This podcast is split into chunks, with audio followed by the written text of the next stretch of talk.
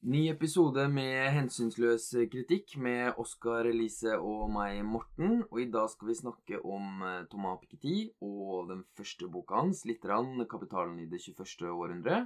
Og mest den andre boka som kom for ikke så altfor lenge siden, eh, 'Kapital og ideologi'. Um, ja Vil du si litt rann, som vanlig, holdt jeg på å si, Oskar, om hvorfor vi har eh, valgt ut uh, han å snakke om han? Ja, det er um, mye man kan si om det, kanskje. Altså, Thomas Piketty er jo et, et, slags fenomen. Han fikk enorm oppmerksomhet da han ga ut eh, 'Kapitalen i det 21. århundre' i 2014, var det vel? Ja. Mm. Altså en, en svær, tung, statistikktung bok som eh, får eh, Altså som selger i masseopplag, blir oversatt til alle mulige slags forskjellige språk, deriblant norsk. Som får overskrifter i alle store internasjonale og for så vidt norske aviser. Intervjuer. Eh, han klarte Han vekka, vekka en enorm, interesse med den boka, og det er vel kanskje derfor vi diskuterer han i dag. Selv når han i fjor ga ut en, en annen bok som het 'Kapital og ideologi'. Eh, kanskje ikke vekka like mye interesse som den forrige, akkurat, men, men, men han surfer jo eh, fremdeles på liksom, den første store suksessen som, som den eh, boka i 2014 var. Og, eh, og, eh, og det er også Hva skal man si? Hans, den boka ble populær av en grunn, vil jeg si, da. Um, Mm. Fram til da det er um, en sånn dansk uh, marxist som han, uh, Mikkel Bolt, som, som, liksom kontekstualiserer Pikettys bok på en veldig effektiv måte, syns jeg. Hvor han liksom tegner de lange, røde trådene fra uh, fra 68-bevegelsen og liksom en optimistisk venstre-radikal bevegelse som utvikler seg inn i det nye venstre, og så utover 80-tallet vokser inn i en sånn skepsis til egentlig enhver snakk om arbeiderklassen, enhver snakk om klasse, om økonomiske forhold, som så liksom fører over i, i Etter hvert med Sovjetunionens fall, så, blir det før, så er vi liksom inne i den mørkeste natta. Og det er bare ingen, ikke mulig å snakke om klasser lenger. Mm. Eh, og mantraet som lyder til og med fra SV, er at klassesamfunnet er over. Vi lever nå i kunnskapssamfunnets eh, tidsalder, og det som betyr noe, er ikke hvilke ressurser foreldrene dine har lenger, men det er hvilke mentale evner du har selv. Erik Solheim sier det ikke sant, som leder av et sosialistisk parti, at klassesamfunnet er over. Nå er det bare individuelle evner. Og altså Ikke ikke for å gjøre narr av Erik Solheim her, men det illustrerer litt hva slags tidsøyeblikk det her var, da. Ja. Og Piketty, utgivelsen av hans bok og den mottagelsen den fikk, var på en måte også et Det, det, det var bare også vitnesbyrd om at noe hadde forandra seg. Fra den perioden der igjen. Ja, fra fra 80-tallet, Ja.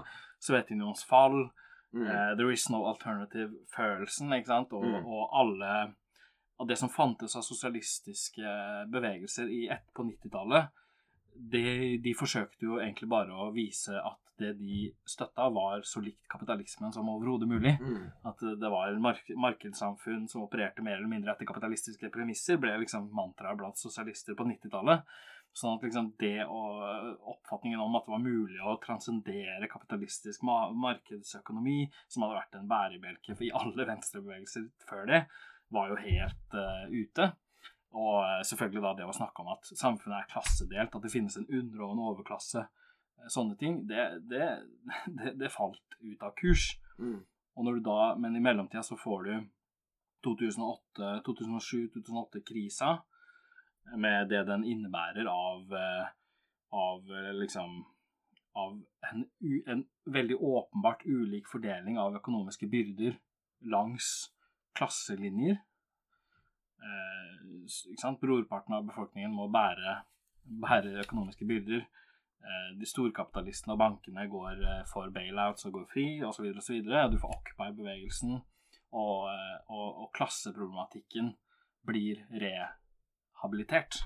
Og Piketty er på en måte spikeren i den kista, eller hva man skal si. Altså han, legger, gjør det veldig tydelig. Han, og, han, og boka hans kommer også inn kommer også på en måte perfekt tima, så at han treffer akkurat den følelsen som begynner å modne.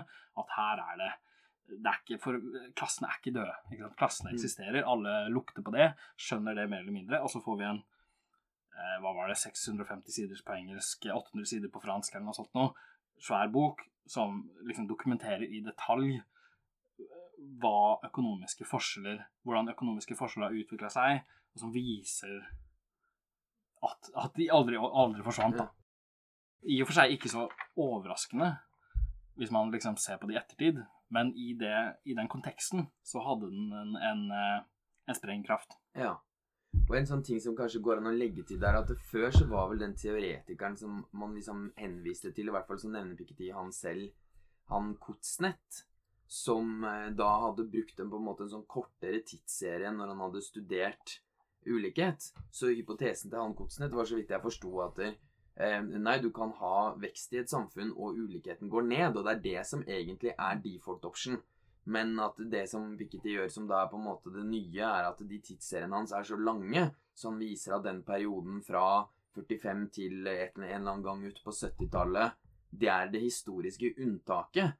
Så vi kan ikke lage en teori basert på, på, det her. For når vi har på en måte nok empiri fra bakover i tid og, og etter 80-tallet, så ser vi det at nei, eh, nei, tendensen er snarere det motsatte. At det går i retning av, av økende ulikhet. Mm.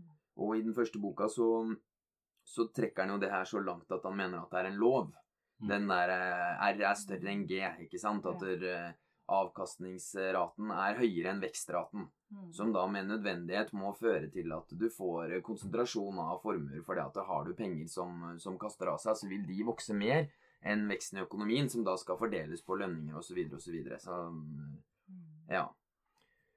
Um, men jeg vet ikke, er det noe, noe mer som er, eh, er, grunn til å si om den første, kanskje utover den løsningen hans på det? Det er jo um, ja, Det er kanskje greit å vende tilbake til det litt i lys av den nye boka, for det er så mye ja. som overlapper, og så er det også en del ting som er annerledes. Ja. Så det er kanskje interessant, mer interessant å diskutere de mer sånn opp mot hverandre. Ja, men da har vi gitt liksom et sånt grovt driss av den, og så går det jo an å nevne det at den mm. Det han sa som en sånn løsning på det her da, var jo det at han ville ha en global skatt på kapital. Altså, han mente å si at det var sånn historisk nesten, eh, nesten alltid tilfelle at avkastningen på Ja, det er lov. Det må være lov å drikke øl underveis. Altså, vi har en sånn jovial eh, podkast. Vi. vi henter oss en øl. Ja, det, det gjør vi. Um, men um, Vil du ha en øl, Morten? Eh, ja, nå tror jeg jeg gjør det sjøl. Julebordet har lagt seg. Ja, nå har det lagt seg i julebordet. um, jo, det vi skulle si da, var at um, at han mente at realavkastninga på det han kaller for kapital, da, er 4-5% i året. Det var jo det han sa, liksom sånn han mente å finne fram på. At det samme hva du besitter av, om det er eh, et firma, eller om det er eiendom, eller ditt eller datt, så er sånn veksten sånn ca. 4 ja, etter du har justert for inflasjon. Mens veksten i en økonomi er normalt ikke så høy. Det er noen geografiske steder og noen historiske epoker. Men så det han ville gjøre da, var jo å få dem ned på det samme nivået. Hvis du bare har en global skatt på kapital, som er på 1% eller 2% eller like stor som det, altså den diskrepansen mellom veksten og avkastningen, så kan du på en måte eliminere den, eh, den tendensen til, eh, til, økende ulikhet. Det kommer vi kanskje tilbake til de der virkemidlene hans etter hvert, men eh, da er i hvert fall det nevnt sånn i starten. Jeg tenkte også kanskje jeg ville tilføye med tanke på den første boka, sånn som jeg forsto det, som jeg syns er litt interessant Eh, for at grunnen til at han er opptatt av at ulikhetene blir større, og hvorfor han vil gjøre noe med det, er jo også for han mener at det har en negativ vekst, det er en negativ funksjon eller sånn effekt på økonomien når ulikheten er så stor. At jo større ulikhetene er, jo dårligere vil det økonomiske systemet fungere. Det er bedre at alle har penger, for da kan folk få sving på økonomien. Så det syns jeg er veldig sånn interessant. Iallfall i første boka så er det det jeg får følelsen av at han er opptatt av. Mm. Vi må få ned ulikhetene, for det er bedre for det økonomiske systemet at alle har penger eh, til å bruke og investere og sånn. Jeg tenkte det er jo litt interessant, men det er jo også kanskje noe som endrer seg til bok to. I hvert fall ikke fremstår eh, like tydelig at det er det som er måtte, målet med alt det her. da. Ja, men det er et godt poeng, det der, altså. For det er jo også en av de morsomme tinga i denne binden hvor å snakker om sånne insentiver. Hvis du Ja. skal velge deg hva du skal gjøre med livet ditt, liksom, Mm. så eh, Nei, det er bedre å satse på å få tak i en arving enn å jobbe hardt på skolen, liksom. Altså, prioriter og, og kom deg i en posisjon der du kan få tak i en arving.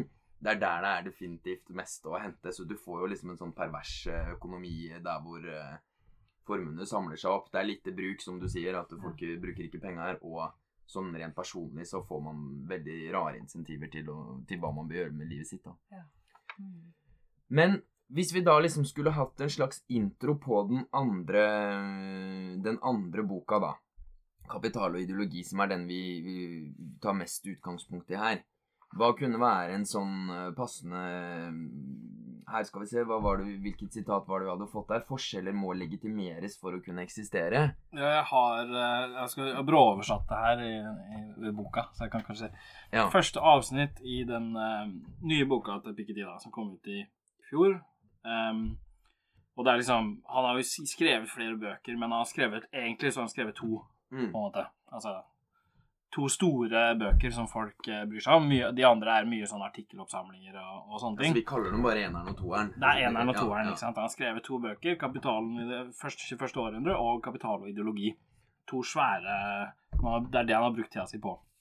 Og når vi da går over til toeren, 'Kapital og ideologi', så begynner jo den med følgende sitat Eller han han begynner med å skrive det, følge, det som jeg her skal sitere. Nemlig at ethvert samfunn må rettferdiggjøre sine ulikheter. Med mindre det finnes gode grunner for dem, står hele den politiske og samfunnsmessige orden i fare for kollaps. Enhver epoke utvikler derfor en rekke motsetning, motsetningsfulle diskurser og ideologier med mål om å legitimere ulikheten som allerede eksisterer, eller som man tror bør eksistere. Det er, jeg vil si, rød, den, den røde tråden, eller i hvert fall et sånt vesentlig premiss for den boka som Piketty har skrevet, at han mener at forskjeller hviler på deres forsvar, deres ideologiske forsvar. Så at liksom forskjeller eksisterer egentlig på grunnlag av hvilket forsvar man klarer å gi dem. Og, um, og ideer om, om ulikhet har til hensikt å legitimere den ulikheten som eksisterer. I hvert fall det som sterkt antydes her, da. Det blir litt sånn hvis du har Jeg forstår det som at han forutsetter at ulikhet i et samfunn, det må eksistere, og at eh, det er bare viktig hvor god grunn du har for de ulikhetene. Har du en god nok grunn for det, så er det greit. Og at han forutsetter at de grunnene at det finnes. Du må Mm. bare ha de. Eh, og det er for eksempel, sånn som han ville sagt, det er ikke en god nok grunn at du har arva det. Mm. Det ville han sagt er en dårlig grunn. Eh, og han insinuerer jo kanskje heller at eh, hvis du gjør en god jobb eller har fortjent pengene i hermetegn, så er det kanskje en god grunn. Så det er det han er litt inne på. Altså, noe er en god grunn, og noe er en dårlig grunn for ulikhet. Men også det at, altså et, at ulikhetsnivået i et samfunn avhenger av hvordan det blir lett rettferdiggjort. Og at de blir rettferdiggjort på en effektiv måte. Hvis ikke, så kollapser det. ja. Det er et, et veldig interessant premiss um, som jeg Og det er, det er på en måte der Det blir kanskje der hvor uh, man, man kan Man på en måte blir med Piketty på ferden. Hvis du er enig i det, hvis det premisset virker, virker fornuftig og akseptabelt. Eller, og hvis ikke det premisset virker akseptabelt, sånn som for meg Jeg syns det virker helt eh, urimelig. Eh, jeg klarer liksom ikke å følge Piketty så videre i argumentasjonen hans, for at det første premisset det, For meg så virker det helt absurd. Ja, men at man produserer på en måte rettferdiggjøringer for eh, Ikke urettferdighet, men for tingenes tilstand. Den ville jeg nesten vært tilbøyelig til å være enig med, da. Eller også sånn der i den basisoverbygning på Paradise Hotel, så tenker jeg da at det er sånn Noen skal, noen skal bli kasta ut, og det oppstår forskjellige moralske systemer for å rettferdiggjøre det de er tvunget til å gjøre. Så jeg mener jo det, ikke sant? Jeg mener jo det at det vokser opp moral når du er tvunget til å gjøre et eller annet i et system. Det vil, og du har sånn konkurrerende moraler. Men de vil jo, uavhengig av hva som hadde skjedd med de konkurrerende moralene, eller hvilken form de hadde tatt, så hadde de fortsatt måttet kaste ut noen. Altså tilsvarende her, da. Ulikhetene hadde eksistert uavhengig av eh, om den ene argumentasjonen falt bort eller ikke, med mindre noen hadde klart å organisere seg sterke nok til å gjøre noe med det. Så um, Men eh, jeg vet ikke det, det, Jeg tipper vel vi er sånn cirka på linje her. Men det han sier med at det vokser fram begrunnelser for noe som eksisterer, Ja. det ville jeg tenke Det er, rimelig. det, er- det er rimelig nok, selv om jeg tror Altså, OK, det er ikke det største problemet jeg har med Mm. det, men, men du kan si at ideer om rettferdighet, om hva som er rettferdig belønning, Ja. som eh, de fleste mennesker i dag har Hvis du tar de ideene og analyserer de, og, ja. ikke sant? sånn moralsk eksperimentell eh, framgangsmåte, så finner vi ut ok, gjennomsnittsmennesker har de og de ideene om, om eh, hva som er rettferdig belønning for hardt strev, og hvem som fortjener hva. Mm. Det er det. Det fins for så vidt moral- moralfilosofer som holder på med sånne ting. da. Ja. Em, at de ideene tjener til å, å rettferdiggjøre den forskjell, de forskjellene som eksisterer, Mm. eh, vil jeg avvise egentlig helt. Fordi eh, jeg, jeg, jeg er liksom 100% sikker på, 90% sikker på, at, at hvis man hadde gjort et sånt eksperiment, da, og du faktisk tar og analyserer folks normoppfatning om hva Mm. som er eh, en rettferdig forskjell mellom en rik mann og en fattig mann, en person som arbeider veldig mye, og en person Mm. som arbeider lite, og så, og så, prøv, og så, sant, så utfordrer jeg hva, hvor mye syns du at han skal få relativt til, til hun, og så videre sånn. Eh, hva slags eh, fordeling sant, inntektsmessig vil du da få hvis Ja. du tester folks moralske oppfatninger på den måten? Eller hvis du analyserer hva som står i avisene osv. Ja. Altså, hvis du liksom dekonstruerer samfunnets ideologi på, den, på en eller annen slags Ja. måte, da. Eh, du vil ikke få et resultat Det er min påstand, iallfall. Du vil ikke kunne påstå at folk har en oppfatning om hva som er rettferdig fordeling, som samsvarer med den fordelinga vi har i verden. Det er ikke en overensstemmelse. Ikke sant? Det er jeg enig i. de fleste mennesker, hvis du spør dem ja, syns du at jeg skal jobbe så og så mye, og du så og så mye, og så skal jeg få tusen ganger så mye som deg? Nei, ikke sant? Mm. Du skal kanskje få ti ganger så mye, Ja. eller fem ganger så mye, eller et eller annet. Men, men det er åpenbart ingen omtrent som, som kommer fram til en eller annen slags uh, moralsk formulering. Altså ikke et gjennomsnittsmenneske og, og på, i, som, som, som liksom kommer, kommer fram til formuleringer som, som samsvarer med det Piketty viser at er de reelle forskjellsnivåene i dagens virkelighet. Og, og, og tvert imot, og det er jo et poeng som Piketty egentlig sjøl eh, har, nemlig at han, han mener at liksom, det er jo, vi, det, vi har store problemer fordi de forskjellene som eksisterer i verden, samsvarer ikke med, med den rettferdighetsfølelsen som folk har. Så de framstår ikke som, som legitime, og derfor så får du alle mulige slags populistiske ideologier som er skumle og farlige. Sånn at Piketty sjøl, i sin egen gjennomgang av, av ideologi, eh, antar, e, går egentlig ikke videre med den antakelsen som han her legger fram eh, på en sånn veldig deklaratorisk, for ikke å si dogmatisk måte. Ja. Han antar egentlig ikke det.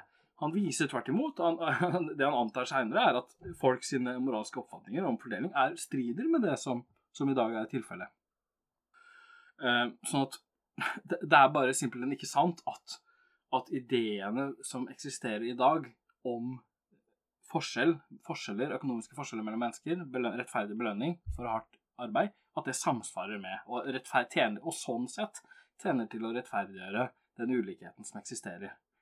Og jeg vil si at det som i virkeligheten rettferdiggjør den ulikheten som vi har, det avhenger ikke av sånne ideer i det hele tatt, men av helt andre ideer. Akkurat. Som Altså som ideen om, om ehm, ja, ideer som Piketty kanskje aksepterer òg, da. Altså hvis du tar ehm, et eksempel som, som Piketty for så vidt er opptatt av, nemlig nyliberalisten Friedrich Hayek. Eh, altså en sentral østerriksk eh, økonomisk liberalist som, som, som eh, En sentral, sentral tenker som, som eh, sånn som Civita og Minerva og høy, alle høyrevridde tenketanker hele verden over har stort sett har ganske stor respekt for, og, og som ofte blir gitt rollen som hovedarkitekt bak nyliberalismen. Han har ingen begrep om rettferd... Om at den, den at de forskjellene som eksisterer i verden, er rettferdige fordi at de rike fortjener sin rikdom, og de fattige fortjener sin fattigdom. Tvert imot. Eh, det som er ekstremt Han mener, Hayek mener at alle sånne forestillinger om rettferdig og urettferdig eh, fordeling av, velstand, det er liksom en, en, rest, en levning fra stammesamfunnet. Hvor mennesker levde i sånne små, veldig oversiktlige samfunn, hvor vi kunne kontrollere hvem som fikk hva. Men vi lever ikke i et stammesamfunn, mener Hayek. Vi lever i et komplisert uh, samfunn med millioner av mennesker som må koordinere sin aktivitet. Og de koordinerer sin aktivitet med markedet. Og på markedet så er det kaotisk. Sånn kaos, kaos som hersker. Du kan ikke forutsi hvem som får hva. Og selvfølgelig kan du da heller ikke si at, noen får, at det noen får, er rettferdig eller fortjent. At en milliardær fortjener sin rikdom. Det kan du bare ikke påstå. Mm. Og han eh, argumenterer liksom for at, at det å påstå sånne ting, det er på en måte første skritt i retning av en sosialistisk planøkonomi. Som for han selvfølgelig er eh, altså veien til undergangen. For da begynner du å snakke om å, å organisere samfunnet på en måte som kan, som kan eh, avgjøre hva som blir resultatet. Ja. Og det er nettopp det du ikke kan. Men så du mener at den oppfatningen her er den som er gjeldende ellers? At du, for jeg ville tenkt Men det, det her er naivt fra meg, da, men altså, det er tross alt min rolle her, så det er like greit. Eh, For jeg ville tenkt at der, at man bruker den til At man bruker de rettferdighetsbegrepene til å fordøye det. At hvis du er på du er på en fest liksom, og du skal drive og diskutere Elon Musk osv., så, videre, og så, videre, så får du liksom sånn derre genierklært eh, skaperkraft både der og Bill Gates osv. osv. At det er Ja, men hvis ikke de hadde blitt sluppet fri, så hadde vi ikke hatt det ene, og vi hadde ikke hatt det andre. Og så kan man selvfølgelig diskutere substansen i ja, hvor mye er det de har bidratt med, og ditt og datt og bla, bla, bla. Men det er ikke det relevante. Men om det liksom bare eksisterer som en rettferdiggjøring av at noen er ekstremt eh, rike, og at det som jo på sett og vis er bra med Piketty, er jo å snakke så mye om, om at det er arvinger som eh, som er det som går og gjelder. Også den Kapital 400-lista er det jo også stadig vekk arvinger. Men, men eh, jeg ville tenkt at hvis du har noen som forsvarer store forskjeller, ofte ville de begrunna det i mer sånn der eh, Det er klart, Ja. Når man kommer til spesifikke eksempler, så dukker alt Ja. eh, Altså, det er ikke ute Jeg skal ikke si at det er helt irrelevant, men, Mm. men poenget mitt er bare at jeg, jeg tror at et viktigere Altså, man må ikke overvurdere hvor viktig det er å rettferdiggjøre det her overfor folk. Nei. Fordi altså, jeg tror du kan ta et, liksom, 90% av alle innbyggere i Norge og, og diskutere altså, hvor mye penger en eller annen riking har. Og, og alle vil være enige om at det er ikke rett, ikke sant? Og det er for gæli, og det er ikke rettferdig, og bla, bla, bla. Og det betyr, og, og hvis det er tilfellet, så, så er det simpelthen ikke Det er ikke der det, det står og munner. Ikke Ja, deres, deres rikdom hviler ikke på vår aksept for at det, det er fortjent. Selv om selvfølgelig det virrer sånne forestillinger òg, men, men det er ikke det som er liksom det avgjørende. Og, og det som derimot er avgjørende for Hayek, og jeg sier ikke at folk har inkorporert Hayek eh, heller, da, men, men poenget hans er bare at det her er bare sånn det fungerer. ikke sant? Sam, et markedssamfunn fungerer sånn og sånn, og da får du sånn hvis du, altså da får, da, hvis du er en eier av en bedrift som gjør det veldig bra, så ja, så plutselig får du 100 milliarder, da. Sånn er det, liksom. Ja. Altså, selvfølgelig er, kan du være en idiot, og du kan være ikke sant, skikkelig bløffmaker og alt mulig, men det er, ikke sant, det er kaotisk og bla, bla. Og jeg tror at ikke når man snakker om det er også noe som folk kan uh, være med på. At liksom, ja, men det er, altså, økonomien vår fungerer på en måte som er sånn, og hvordan ellers kan man gjøre det? Ja. Det er det jeg mener at Hvordan ellers kan man gjøre det? Det er nå bare sånn det fungerer. Og jeg tror kanskje det er vel så mye, eller kanskje enda mer, enn en, eh, sånn en legitimerende greie, da. Og en annen ting er bare at, at ting Det er ikke sånn at ting Alt må legitimeres ideologisk. Det er liksom en Det blir bare feil. Altså, veldig mye kan bare eksistere på grunn av eh, På grunn av det eksisterer. Det er sånn det er. Ja. Altså, jeg har makt over deg. Og du kan, ikke, du kan like det eller ikke, men det er noe sånn det er. Og jeg gidder ikke å rettferdiggjøre det heller. Og det, det er jo også en dimensjon av makten, at man ikke gidder å rettferdiggjøre seg eh, overfor massene, liksom. Og sånn er all, Det er liksom et aspekt av ideologi som man heller ikke må, må eh, miste av syne. Skjønner. Skulle du legge til noe her? Jeg eh? bare tenker at um, Jeg tror at de færreste, dessverre, uh, Jeg syns det var veldig fornuftig det han Hayek sa, og det er jo helt rett, vil jeg jo si, for det er jo bare tilfeldig. Men jeg tror ingen tenker det. Jeg tror seriøst at vi er oppvokst i et samfunn der vi tenker at eh, det er litt sånn Jobber du hardt, så får du igjen for det. Er du mislykka og ikke får jobb, så er det din egen feil.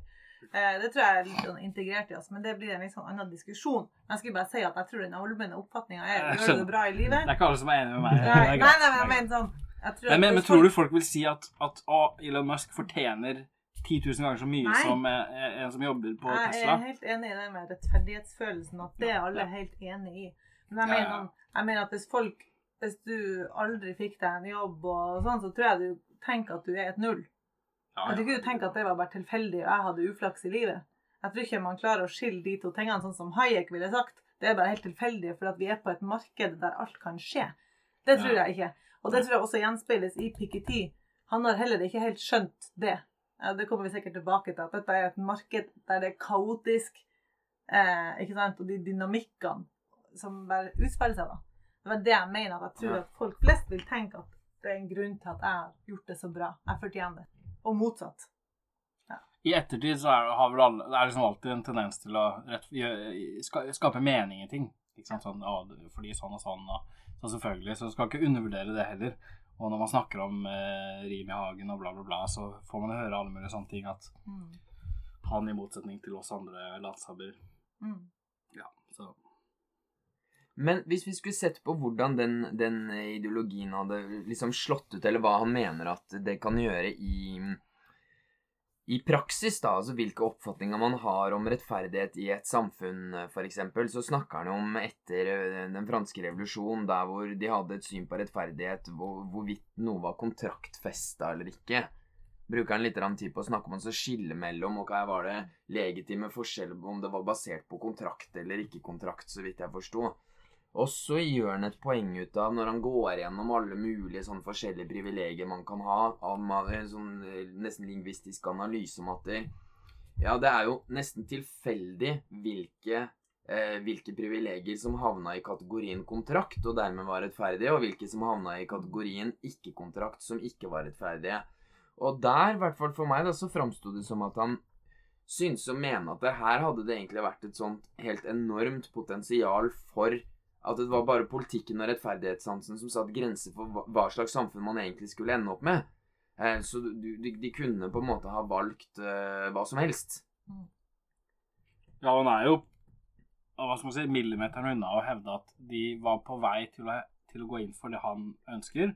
Altså en progressiv deltakende sosialisme med høye progressive skatter og sånne ting. Og, og det fantes sånne opplysningsfigurer som var, var inne på det. Men dessverre så kom de ikke fram til det. Og så, og så viste det seg at nei, så gikk det ikke innenfor progressiv skatt likevel. Og så ble det resultatet veldig ulikt.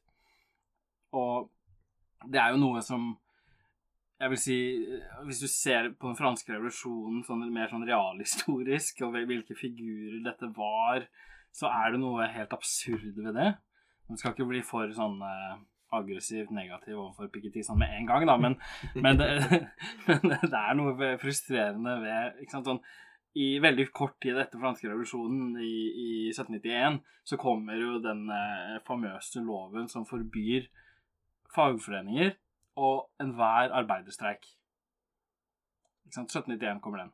Og, og etter det så er jo liksom Piketty har jo han håp om at de fremdeles skal gå inn for eh, sosialisme, liksom. Gå inn for det skatteprogrammet som han sjøl sympatiserer med. Og da har du på en måte ikke skjønt hva slags system det her var. Det her var en eh, Det, det her er, det er jo Det representerer jo visse klasseinteresser som er på den ene sida ønsker å knuse eh, eh, I hvert fall ønsker å rette et slag mot de nedarva privilegiene som, eh, som liksom den franske revolusjonen i hvert fall i en viss grad tar et oppgjør med. Fordi de representerer klasser som, som ikke har sånne privilegier. Men de representerer ikke arbeiderklassen. De representerer en overklassen som er avhengig av å utbytte den arbeiderklassen. Og dermed er de selvfølgelig veldig interessert i å forby eh, fagforeninger og streik. Og, og, og, og bare et så enkelt poeng kommer liksom ikke fram. Altså Det framstår som om at her diskuterer de seg fram til hva som er en, et rettferdig samfunn, men klasseaspektet ved det er helt sånn For meg så virker det helt uh, skjult, da. Det er bare Å nei, dessverre så havna de på feil løsning. De gikk ikke inn for progressiv skatt, de gikk inn for flat skatt. Uh, han nevner jo ikke det noe, så vidt jeg fikk med meg, for han nevner ikke det fagforenings- og streikeopplegget, som er uh, det Altså, sosialistbevegelsen og kommunistbevegelsen, som jo oppsto i kjølvannet av fransk revolusjon, har jo alltid hatt det som sitt, uh, sin, sitt største agg mot den revolusjonen. Så at du ikke nevner det, er på en måte en, en flekk på radi alle radikale kredensialer, men ja. ja, men godt poeng. Godt poeng. Mm. Ja. Ok, hvor går vi fra her nå? Er et spørsmål. Fordi at hvis vi, hvis vi, har vi Nå har vi på en måte fått fram den, den biten med, med, hva han tillegger eh, ideologi, eller den betydninga av rettferdighetsoppfatninger osv., osv. At det er Her vil han, eh, gjøre noe med det, og han mener at det er eh, høyst relevant eh, hvilket syn man har på hva som er rettferdig eller ikke, og at samfunnet mer eller mindre kan skapes i, i, i det på en måte de rettferdighetsprinsippene man kommer fram til. Og så kan vi gå, gå, litt sånn forskjellige veier, enten over på konkrete tiltak eh, som man har, eller så kunne vi ha bygd noe mer bro over til den første. På, for en, altså en, sånn, en kritikk av den første boka var jo blant annet det at eh, Eller ikke ja, Min kritikk av den første boka var at han på den ene siden sånn iscenesetter et sånt eh, handlingsrom der hvor eh, ja, det fins en løsning på den eh, økende ulikheten, og det er denne globale skatten på, på kapital. Og i det neste, eh, på utpustet, liksom, så sier han at Men det er jo totalt utopisk å få til det. Um, mens her så er han jo i mye større grad Han virker som at han vil ha en mer sånn handlingsprogram, at det skal være mulig å gjøre noe. I den første så var det ikke så Da var det, det var en løsning, men det var helt utopisk å se for seg at den løsningen kom til å bli gjennomført. Mens i denne boka her så er det mer sånn at det, det er masse man kan gjøre. Innenfor nasjonalstaten alene, eller i noen sånn samarbeidende grupperinger osv. osv. Så, videre, så vi kan f.eks. Eh, gå over på noe av de som han faktisk foreslår for å gå mot det. Jeg tenkte kanskje, jeg ser nå at jeg har notert meg noe helt i introduksjonen som jeg tenker er litt interessant å nevne her. Eh, og det reagerte jeg faktisk litt på når jeg leste det. Og det handler jo om at denne boka som heter da eh, 'Kapital og ideologi', og han sier jo det at han tar ideologi veldig seriøst. Han prøver å finne ut meninga med de her ideologiene. Eh, og så sier han da, med særlig liksom eh, trykk på seks hovedkategorier. Så nevner han hvilke ideologier. Og da kaller han jo de Jeg tar det på engelsk. Proprietarian. Så sier han social democratic. Communist. Tri-functional. Og så sier han slavist. Og colonialist ideologies. Uansett. det var litt vanskelig. Poenget mitt er at f.eks. ideologien proprietarian det er noe jeg aldri har hørt om. Så jeg syns det er litt interessant at han på en måte ramser opp seks ideologier som på en måte ikke nødvendigvis er en allmenn eh, si, teori når det kommer til ideologier, f.eks. kapitalisme som ideologi, eh, er ikke nevnt. Eh, jeg tenker at Det er litt sånn interessant at det fremstår som at han har kategorisert sjøl. Han har lagd sine egne ideologier. Og det for meg er litt sånn, det førsteinntrykket blir litt sånn interessant når han ramser opp masse ideologier, og så har du nesten ikke hørt om noen av dem sjøl. Det gjør det litt sånn OK, Absolutt. interessant. Hva er det da som kommer? Hva er det her? Hva er det her? Og da blir det litt sånn også vanskelig å overprøve det, for det er sånn du har aldri hørt om det. Så du får bare se hva det er for noe. Mm. Uh, ja, så tenkte jeg litt sånn At vi dveler litt mer med For før vi går videre til det mm. Morten, du legger opp, Morten, så tror jeg jeg er helt enig med Elise. Vi dveler litt ved, ved hva han holder på med her, da. Ja. Og det du er, som du sier, Lise, altså Han skal Det her kapital og ideologi, så det er en slags ideologianalyse han gjennomfører, høres det ut som. Og så analyserer han seks ideologier. Noen av de har man jo hørt om, kommunisme og sånt noe, men, og sosialdemokrati. Eh, men proprietarianisme og nyproprietarianisme er Det har han konstruert sjøl. Og, eh, og eh, Altså, det er hans Det er Så det, det signaliserer at det her er idealtyper i sånn Max Webers forstand, som som går Altså, det er en, en framgangsmåte for uh, samfunnsanalyse hvor en forsker, som da er Piketty selv, mer eller mindre på intuisjon uh, danner begreper for å liksom redegjøre for en virkelighet. Han, så han danner sine egne begreper for å liksom OK, er det noe her, ikke sant? Men, så, men det som eh, Max Weber er veldig opptatt av når det gjelder idealtyper, er at det er på en måte bare en det, Du kan ikke ta de for seriøst, for det er på en måte bare eh, forskeren som påfører noe på virkeligheten. Sånn at du kan lage sånne typologier for å ordne f.eks. ideologiene i forskjellige kategorier. Men det er litt sånn ikke sant, FN, UFN sånn, hva, hva, er det her egentlig? Og, eh, og, jeg tror det er mye man kan Altså, jeg er veldig skeptisk til den sånn idealtypiserende gjennomganger i det hele tatt. Og her sånn så ser man okay, du, han diskuterer Det han i virkeligheten diskuterer, er liberalisme og nyliberalisme. Men så kaller han det, ny, eh, så kaller han det proprietarianisme og nyproprietarianisme. Og på grunn av det så kan han diskutere det mer eller mindre uten å referere til virkelige historiske dokumenter som faktisk eh, Som faktisk redegjør for hva de liberalistiske ståstedene er. Ja. Og det er jo liksom For det er jo Liberalismen er jo langt på vei sånn gjennomanalysert, og det er utrolig mye bra som er skrevet om den. Eh, men, men, den er mer komplisert enn det hans analyser gir uttrykk for. Eh, men fordi at han ikke bruker de begrepene, han bruker sine egne begreper, så er, så er han litt sånn immun for kritikk, da. Men, men, hvis, men noen ganger så gir han uttrykk for at sånn nyproprietarianismen, den, den eh, Som da i virkeligheten er nyliberalismen, ikke sant?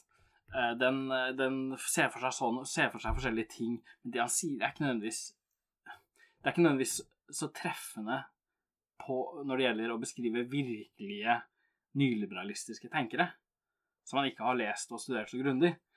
Det er treffende bare fordi han har konstruert sine egne kategorier, og egentlig utvikler dem uten en eneste henvisning til de virkelige ideologene. Unntaket er Hayek, som han bruker en del oppmerksomhet på, men eh, Adam Smith, John Locke ikke sant, um, Hobbes, for den saks skyld, og, eh, og Jeremy Bentham. Altså de, kla de, klassiske figurene som man refererer til når det gjelder å analysere klassisk liberalistisk ideologi, de blir bare ikke analysert. Og likevel så har han en lang, lang, lang analyse av det han kaller proprietariær ideologi. Eller hva han Altså, det er, det er veldig sånn Jeg syns Det er også noe sånn bare, det, det går jo ikke an egentlig å utvikle en analyse på det grunnlaget.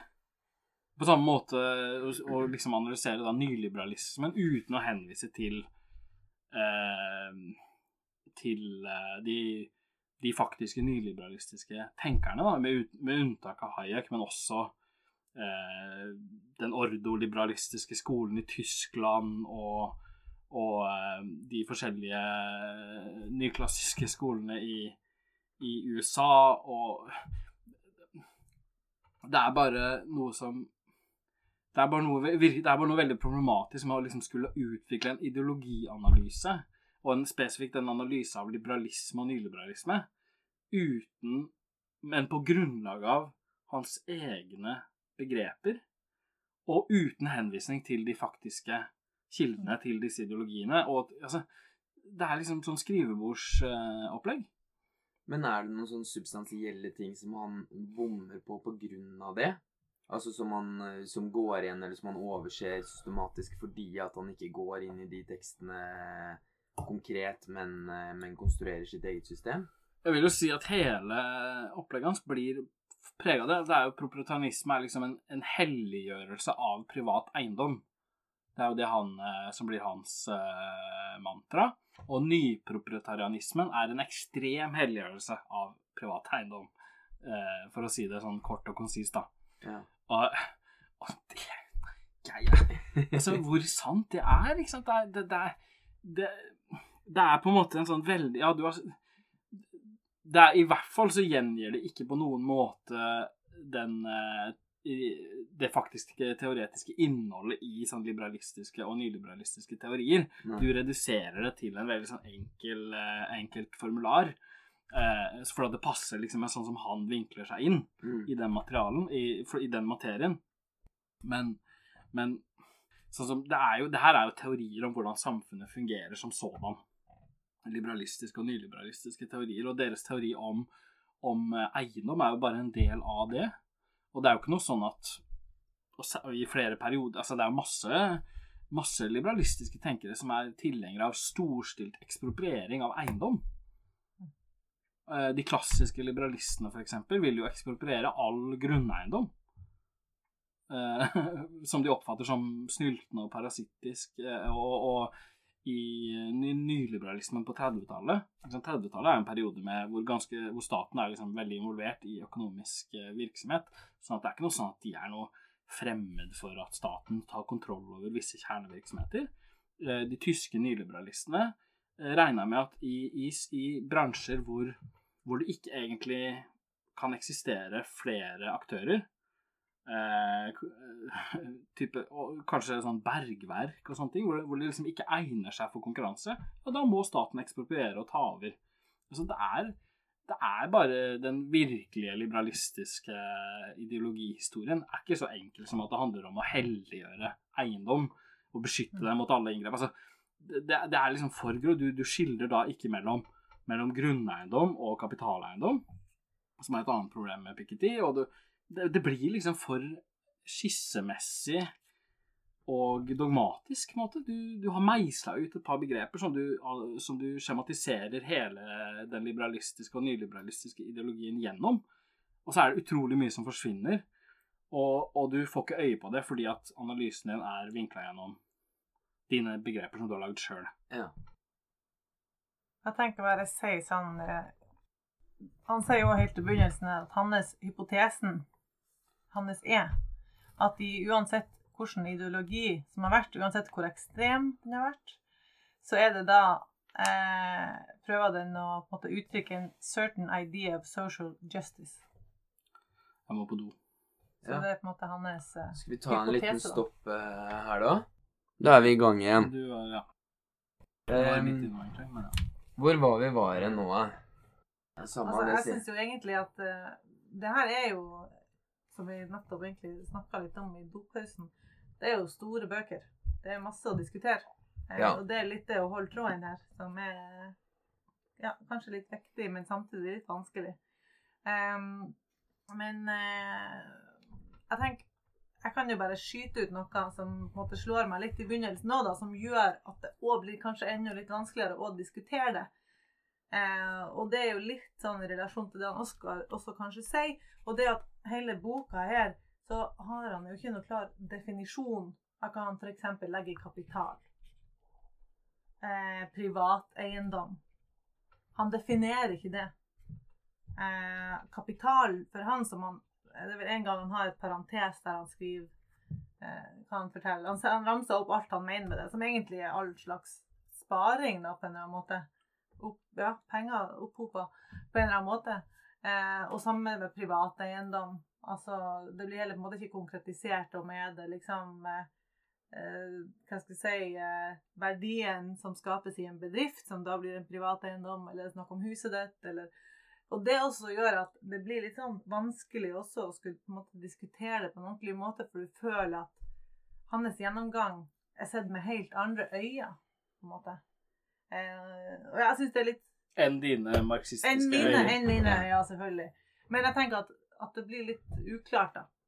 Hva Ja, for, for, for en investor, liksom, så ville det sikkert vært ganske klart, da. Ja. Den ville sagt sånn at nei, vi har, eh, vi har aksjer, og vi har eiendom, og vi har statsobligasjoner, og vi har bankinnskudd, og vi har ikke sånn Alle mulige ting man kan putte, putte pengene sine i. Ja. Det er kapital, liksom. Også det summerer seg til 1,2 milliarder ditt eller datt, og det er en 70-30-portefølje der hvor eh, 70% har litt høyere risiko, og 30 er eh, gull og statsobligasjoner. Hva vet jeg, ikke sant? Altså, Ja. Ehm, så for, for den, på en måte, det segmentet der, som jo er eh, mye større eh, i Norge, med, med de Ja. pensjonskontoene som folk har, enn eh, marxistene, så framstår det sikkert ganske, ganske klart, eh, vil jeg egentlig tro. Altså, de ville nok sagt stikker, stikker motsatt. At dere, Marx er jævlig uklar på den definisjonen sin av, av kapital. Kan han ikke bare si hva han mener med det, liksom? ja, det er sant. Det er Eh, sant. eh, men selvfølgelig, det gjør jo at det blir en, en annen verden. Det gjør det. Ja, for det, det som utleder av det, er jo det at hans gjennomgang er på en måte totalt Det mangler eh, samfunnsforholdene som krever for å skape den ulikheten, da. Og det mener jeg er et ganske sånn stort svart hold gjennom hele lesninga, da. At du føler at han ikke har forståelse for hvordan verdi skapes, eh, og hvordan det akkumuleres, og hvordan Ikke sant? Hva som egentlig får det, de prosessene. Og det er det jeg ja, mener at han heller ikke tar hensyn til Hvis han hadde gått litt nærmere inn på det, eh, så vil jo han på en måte fortelle at dette er noe vi kan sette oss ned med et bord. Vi kan velge hva vi skal gjøre. Skal vi ha høy skatt og små forskjeller, eller skal vi velge å ikke gjøre det? Mm. Og da mener jeg at når han da ikke har tatt hensyn til det første, så går det igjen også i en ny felle som blir at han ikke skjønner heller måte kapitalismens tvingende dynamikk i Mm. samfunnet.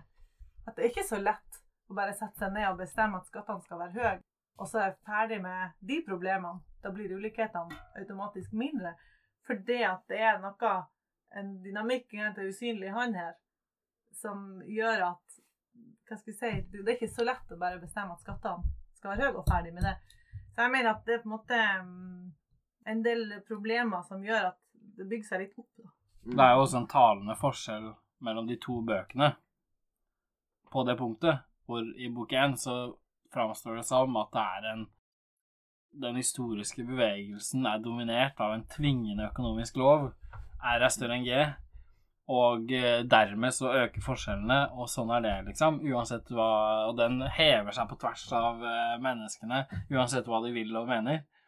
Det er på en måte en ganske sånn kald økonomisk logikk som preger den argumentasjonen i den første boka, som er hele poenget der. ikke sant? At, at forskjellene øker, og inntekten ikke? Det er liksom Mm. det er, det er en beinhard økonomisk logikk. Og kanskje argumentasjon, argumentasjonen er det mange vil kalle sånn økonomistisk. Mens i den nye boka så er han jo veldig mer sånn eh, Nei, jeg insisterer på at historien er en historie om, om hvordan mennesker prøver å finne rettferdigheten gjennom ulike veier. Og ideene som mennesker har, fortrinnsvis om rettferdighet, er autonome. De, de er selvstendige. De er genuint autonome. De kan ikke reduseres til noen sånne økonomiske greier eller noe sånt noe. Vel, insisterer på det mange ganger. Mm. Og, og tvert imot, så, så der framstår det som at nei, der er det altså, i, Mens i den første boka så er uh, historien mer sånn uh, den, den allmenne loven om R er større enn G som gjør seg gjeldende og viser sin kraft. Eh, i, og i bok to så er det mer sånn Der er bare mennesker som Eller me, samfunnet som et sånt uh, stort subjekt som liksom diskuterer seg fram til hva som er rettferdig. Og noen ganger tar man feil, og noen ganger tar man rett. og og så kommer de, og, og den, de forskjellene som oppstår, uh, følger av det, og de valgene man tar. Og det er liksom he, egentlig helt Det virker jo veldig vanskelig å forene de to rammeverkene. Ja. ja, det er jeg enig i. Eh, Det er litt underlig. Selv om også man kunne si det at den i den første boka, så den loven er jo en veldig sånn Det er jo veldig sånn en overflate. Altså Det er jo en lov som er liksom utreda av et stort empirisk materiale. Altså det, Vi nevnte jo det også litt innledningsvis, men det som, den store honnø- honnøren til han er jo det at han har den derre hva er det for noe World Income Database, og at de har ikke sant, jobber jo veldig mye med sånn å kartlegge uh, inntekter og formuer rundt omkring. Og øh, han derre Hva heter han for noe? Han øh, studenten hans, han Gabriel Zuckman, som skrev den The Hidden Wealth of Nations, han øh, han nå har jo også gjort mye sånn på å på en måte beregne hva er de egentlige skjulte formuene rundt omkring. Og hele den pakka der er jo egentlig veldig bra, men å konstruere en lov basert på langt historiske datasett er jo også på en måte Selv om det er bedre enn den andre boka, så er det jo Mm. fortsatt litt sånn eh, Kjempetvilsomt, ja, ja, egentlig. ja, ja, ja, Det er, en, det, er jo, det er jo bare en beskrivelse av et statistisk funn som man så liksom kaller en lov. ja, ja, Det er jo ikke overbevisende at det er en lov i det hele tatt. nei, nei. En lov, Hvis du skal, egentlig skal snakke om en lov i sånn metodologisk forstand, så må du jo spesifisere hvilke mekanismer som driver fram en sånn utvikling. Ja. Og det gjør han aldri. Nei. Og hadde den på en måte lagt til at du sagt sånn at OK, ja, hva er det som skjer i de tilfellene hvor avkastningsraten, altså realavkastninga, går under 4-5 Da hadde det jo blitt litt spennende. altså da når, staten må inn og hjelpe til at den profittraten er høy nok, på en måte, da kunne det jo vært mer eh, Hva er det som sørger for at den her holder seg oppe, eller hva, blir, hva, blir tvingende nødvendig hvis den faller under det nivået, eller eh, sånn eller sånn? Jeg har drukket opp all ølen deres, jeg nå. Nå må vi ha mer øl. eh. Em, men, um, men uansett, det er vi enige om at den, den kalde i den første er bedre enn um, en, uh, toeren. Det er i hvert fall noe Det er i hvert fall en Altså, det er, det er vel problemer der òg, ikke sant? Ja. Men, men, men, men her sånn så er det jo ikke Det blir veldig løst, da. Det blir litt sånn Det er derfor det blir så langt òg, tror jeg. Det er langt og usystematisk. Det første var liksom strukturert og en klar idé. Jeg syns den første boka var veldig lettlest. Jeg husker Det var en sånn ting du kan liksom bare lese deg gjennom, men her blir det fort eh, Og hva er den indre struktur, strukturen i den boka? her? Kanskje man burde gi et inntrykk av hva den boka her egentlig tar for seg? Ja. Fordi at uh, det er jo veldig mye forskjellig. Ja.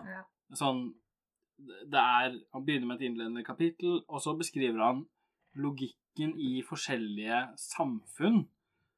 Og det er jo egentlig Han kaller, har kalt, begynt med å si, si at han skal gjennomføre en ideologianalyse, men han analyserer egentlig forskjellige samfunnstyper litt òg, da. Og selv om ikke, ikke den forskjellen mellom de to tinga gjøres så veldig tydelig. Og, så er, og de forskjellige samfunnene han analyserer, er liksom Ja, det er vel eh, ja, så han, han har et generelt begrep om, om trifunksjonelle samfunn. Samfunn som da er delt opp i det, det virker som mer eller mindre alle samfunn før kapitalismen. Um, og det er, som da han mener er delt opp i, i, um, i religiøse ledere, militære ledere og politiske ledere. Noe sånt noe. Det husker jeg ikke. Tre Altså, de, de, det er tre liksom eh, Nei, eh, beklager. Eh, eh, eh, arbeidere. Og militærpolitiske og religiøse ledere. Så liksom Så eh, selvfølgelig. Ja. Sånn at Og, eh, og det, i den ramma så dytter han, så vidt jeg kan skjønne, alle førkapitalistiske klassesamfunn. da. Ehm, så analyserer han de sånn inn og ut, og så, og så kommer han fram til hvordan det går over til eh, det vi vil kalle kapitalisme, men som han selvfølgelig ikke kaller kapitalisme. Han kaller Eierskapssamfunn? ja, eierskapssamfunn, får vi si. Eh, eierskapssamfunn. Han bruker ordet kapitalisme noen ganger. Ja. Men det er, ikke, det er ikke noe så veldig systematikk i hvordan han bruker ordet kapitalisme, vil jeg kanskje si. Kan vi kanskje kan vi komme tilbake til. Men så analyserer han de eierskapssamfunnene som da oppstår etter Som da overtar for de tre funksjonelle samfunnene. Og diskuterer hvordan det ene utvikla seg ut av det andre. Um, og så går han over til Og så har han da kolonisamfunn som han også analyserer, som er sant, Disse eierskapssamfunnene skapte etter hvert kolonier som han analyserer, og så, og, og så analyserer han sosialdemokratiske samfunn og kommunistiske samfunn. Sosialdemokratiske samfunn i vest i perioden etter første verdenskrig fram til 1980, kanskje. Det er liksom da dominerer sosialdemokratiet. Og i øst så dominerer eh, kommunismen. Og, og, og så kommer hyperkapitalismen. Eller nyproprietarianismen. Det er liksom de tinga han, han, han berører. Og ehm, Og som han og, og, som, som, og det er liksom Ja, det er en gjennomgang på 1000 sider eller et eller annet, og som, som ligger til grunn for, for de Eller som han i hvert fall bruker til å begrunne sine konklusjoner, da. Mm. Sånn, så det er veldig sånn, sam, veldig sånn om, omfattende uh, område han dekker. Og det er kanskje litt sprikende sånn tematisk. Uh, Men da den røde tråden må være det som er da det fra starten. Liksom at man kan, med å komme fram til rettferdige prinsipper, så kan man omsette det i virkeligheten og, og, og, forandre verden eh, i tråd med de Ja, men det, må, det er det som liksom Den røde tråden er at ja. han insisterer på det annenhver side ikke sant? Ja, gjennom ja. alle de greiene her. Men, og, og om han har vist det så veldig mye mer enn han har deklamert det, er jeg ikke så sikker på. Nei, nei. Men er det noe mer vi må over til før vi ser på de konkrete løsningene, eller trenger vi å bruke noe sånn tid på hvorfor han syns det er på en måte urettferdige eh, ulikheter eh, nå, eller ditt eller datt? Altså sånn tallmateriale Det er jo jævlig mye grafer, men det, det, det vi forutsetter at om noen skulle finne på å høre på det her, så tar vi på en måte for gitt at det Noen, ja, én ting sånn um, Noe av det kan vi kanskje vende tilbake til når vi diskuterer andre, men, men uh, jeg vil si framheve én ting og det som jeg, jeg syns var ganske interessant. og Det var jo gjennomgangen av Eller Norge er jo um, ikke stort sett nevnt i uh, Altså veldig lite nevnt i hans analyse, så vidt jeg kan se. Men uh, det kommer noen sånne spark til sånne petromonarkier eh, som lever av eh, som, Altså som det, Jeg tror vi er inkludert der. Ja, men han nevner et par ganger formuesskatten, faktisk. da. Ja. Der blir jo Norge trukket fram fordi at den har blitt avvikla så mange andre steder. Men eh, ja. Men han har en, han har en ganske grundig og interessant analyse av Sverige. Eh, som eh, Hvor han da Altså, det handler om Om at det han vil vise, er at det ofte kom Ofte har man sånne elegante just so-forklaringer på hvordan noen samfunn ble egalitære, og noen ble inegalitære. Sånn som på, i Norge så heter det gjerne at sant, å, vi er et langstrakt land. Topografien egner seg ikke for store gårdsbruk, og vi har bodd langt fra hverandre, og vi har utvikla oss i, i sånne utviklet, Vi har sittet på hver vår haug, ikke sant, og langt fra nestemann, og utvikla en sterk individualistisk kultur. Og eh, derfor er liksom, Det er noe iboende egalitært ved den norske kulturen. På grunn av, simpelthen pga. hvordan landskapet er, ikke sant, og, og, og hvordan vi har utvikla oss som folk. Sånne ting hører man til og med blant eh, det som og offisielle representanter av norsk venstreside. for Våre sånn, såkalte venner. Våre såkalte men, men, men det som han understreker, er jo at, er, er at uh, det er ikke så elegant, ikke sant? Og, og uh, særlig da at Sverige var et av verdens mest ille, i, u, uegalitære land. Mest skjev, hvor rikdommen og makten er med, var mest skjevt fordelt, helt fram til eh, begynnelsen av 1900-tallet, etter, etter eh,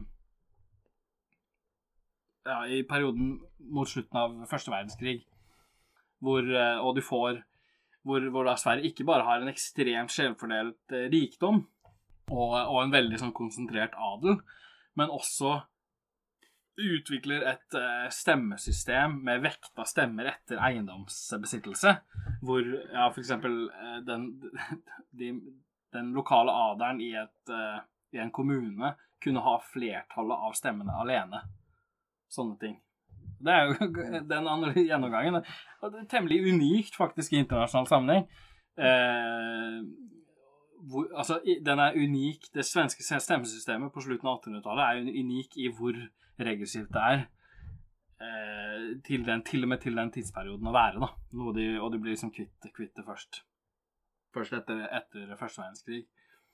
Så det var liksom eh, en- analyse som jeg vil si den er verdt å søke opp og, og, og, og titte igjennom. Mm. Og, og også, og han trekker, jeg vil si han trekker riktig konklusjon ut av det. At liksom de elegante eh, Just So-fortellingen om at ah, Skandinavia er eh, er skapt for likhet, og andre samfunn er skapt for ikke-likhet, liksom. Det blir smadra ganske effektivt, for her har du et av verdens mest ulike samfunn, hvor makten er mest konsentrert blant de rike, og på kort tid så får du et omslag til liksom eh, et av verdens mest like samfunn, da. Forklarer han den overgangen, da? Uh, Det spørs jo litt hva du mener med å Ja. forklare, men, men det er jo Han, han forklarer det kort eh, med at sosialdemokratiet får makta Ja. og styrer sammenhengende altså helt fram til ikke sant, nyere tid, Ja. så å si. og, og eh, tydeligvis gjør, det, gjør en god jobb, da. Ja, ja. så, man Men i hvert fall så eh, Det er noe der som Jeg vil si det, Der var det mye som jeg ikke var klar over når det gjelder sånn hvor, hvor Hvordan stemmesystemet i Sverige var fram til eh, de stemmerettsreformene som Mm. gjorde det til et moderne demokrati. Ja, og jeg tenker egentlig at det er litt sånn eh, Også en sånn ting som gjentar seg igjen i de her fremstillingene hans. Det er litt sånn eh, Ja, vi har snakka om at han ikke får med seg samfunnsforholdene. Og eksempel, jeg tenker sånn Ja, OK, sosialdemokratiets eh, alder, da blir det bedre, for eksempel. Men jeg tenker sånn at det føles ikke ut som han forstår den kampen som har skjedd før alt det kom, da.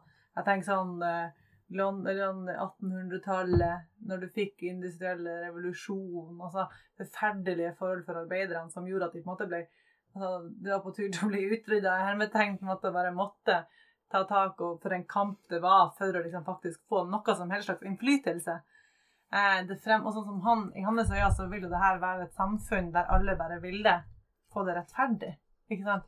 Men i realiteten var det jo absolutt ikke det. Du har på en måte kapitalister som har store interesser i at de må altså, få mer penger. Du har arbeidere som dør på arbeidsplasser, unger som dør. altså Veldig sånn veldig kummerlige forhold med interesser som kjemper mot hverandre. Og jeg føler at, at måte plutselig fikk et sosialdemokrati, og da blir det bedre. Jeg tenker sånn, Det er mange sånn sosiale og historiske grunner til at det ble som det ble, og det var ikke en enkel sak. Men det fremstår som at det er veldig enkelt å bare bestemme seg for at de gjør det sånn, men at det har vært en kamp. da.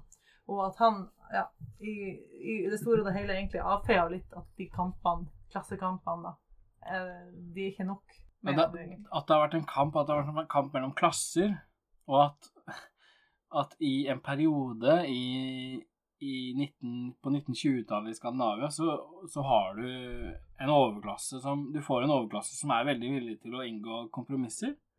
Og det har sin historiske bakgrunn i, i oktoberrevolusjonen og det som i Russland var en total ekspropriering av kapitalistene der, og en frykt for som hadde eksistert siden før første verdenskrig for øvrig, en sterk frykt blant overklassen om at noe lignende ville skje, at arbeiderne ville gjennomføre noe lignende i, i Norge, i Sverige, i andre europeiske land. Og den helt genuine frykten for å bli ekspropriert, for å bli utradert som klasse, bring, gjør det mulig for dem å komme til forhandlingsbordet og tilby, ikke sant, og tilby allmenn stemmerett. Og tilby eh, sosiale ordninger og tilby åttetimersdag og tilby ferieuker. Det er, det, er, det er jo liksom Det er ikke en jakt. Det ikke, kommer ikke som en følge av at samfunnet blir litt klokere og lærer noe nytt om hva et eh, rettferdig samfunn er. Sånn som Piketty veldig ofte gir uttrykk for. Det kommer jo som en følge av at, av at eh, maktforholdet mellom klassene forskyves i en retning, og at det som er fornuftig for én klasse, det som eh, overklassen ønsker og drømmer om, blir satt litt på vent, fordi at de innser at de må gi litt for å ikke miste alt.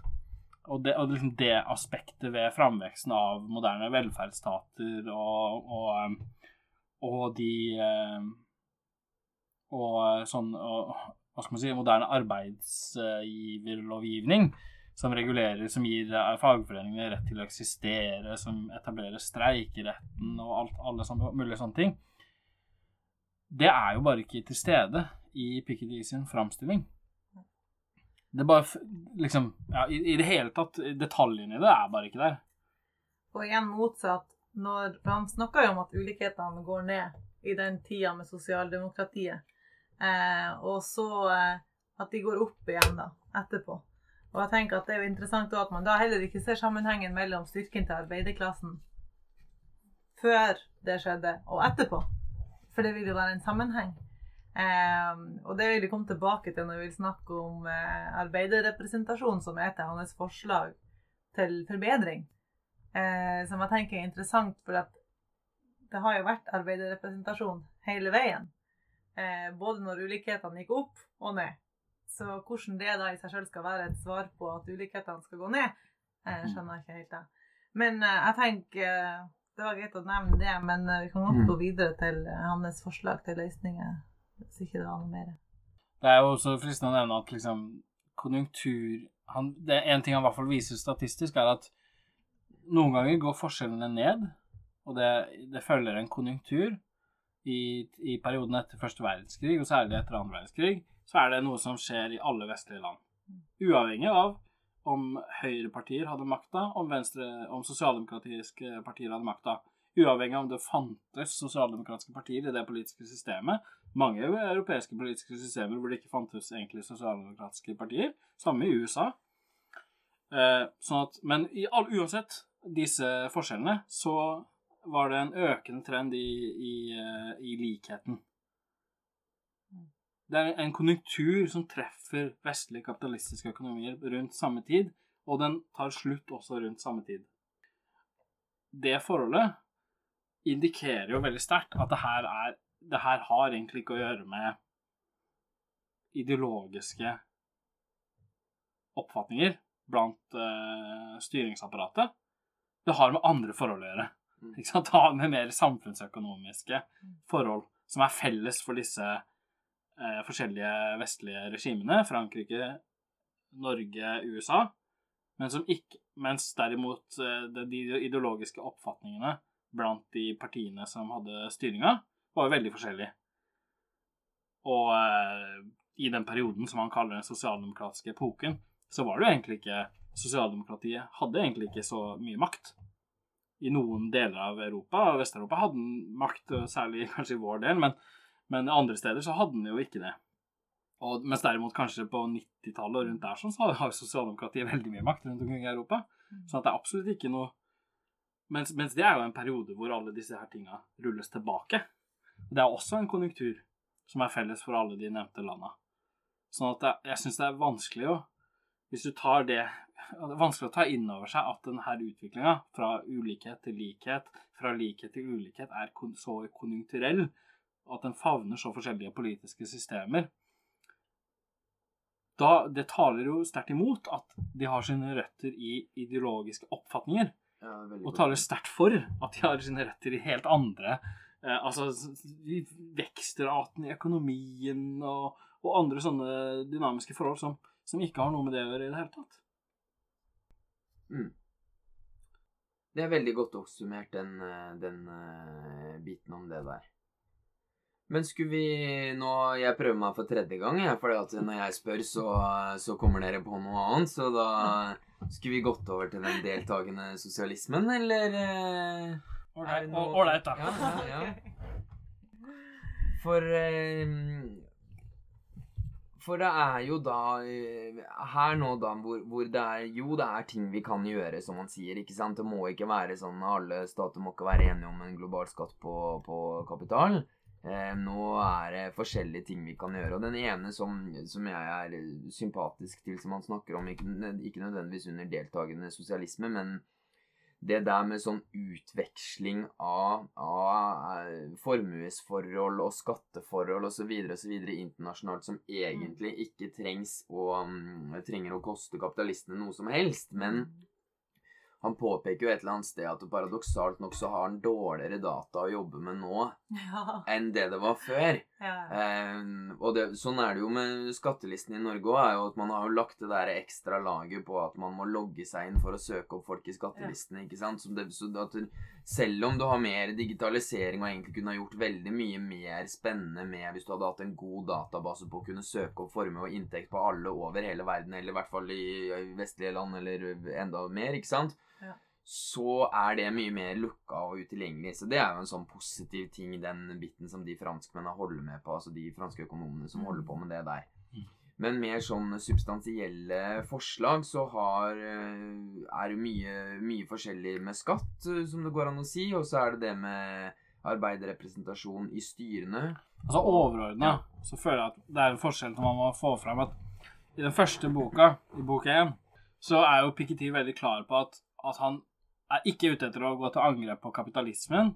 Mm. Han er ikke ute etter å gå til angrep på privateiendommen. Han elsker kapitalismen. sa han i et intervju på, i CNBC. Og i bok én så skriver han sånn ja, ja, akkurat, akkurat at han ønsker ikke å angripe kapitalismen. eh, at uh, ulikheten er ikke i seg selv et problem. Og, og et annet sted i, eh, på økonomi, i et intervju for økonomibloggen Fasit, altså rett etter at han har gitt ut uh, Kapitalen i det 21. århundre, så sier han også sånn Jeg beundrer kapitalismen, jeg beundrer privateiendommen, jeg beundrer markedsøkonomien. Ikke sant? Jeg skjønner selvfølgelig at uh, økonomisk vekst først og fremst skjer i et kapitalistisk samfunn.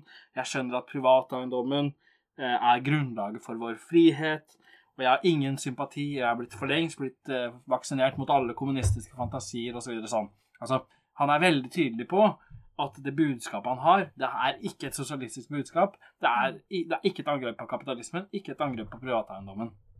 Han er en mann, en ordent mann, liksom. Ja. Ikke, ikke ta meg så, ikke, ikke, ikke sant? Jeg er ikke en trussel, sånn, litt sånn, da.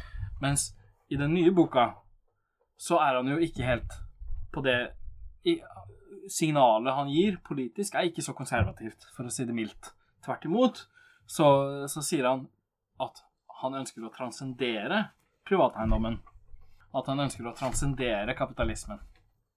Og, og at det er det som er liksom oppgaven vi må stille oss. Vi må overskride Vi må overskride det kapitalistiske samfunnet, egentlig.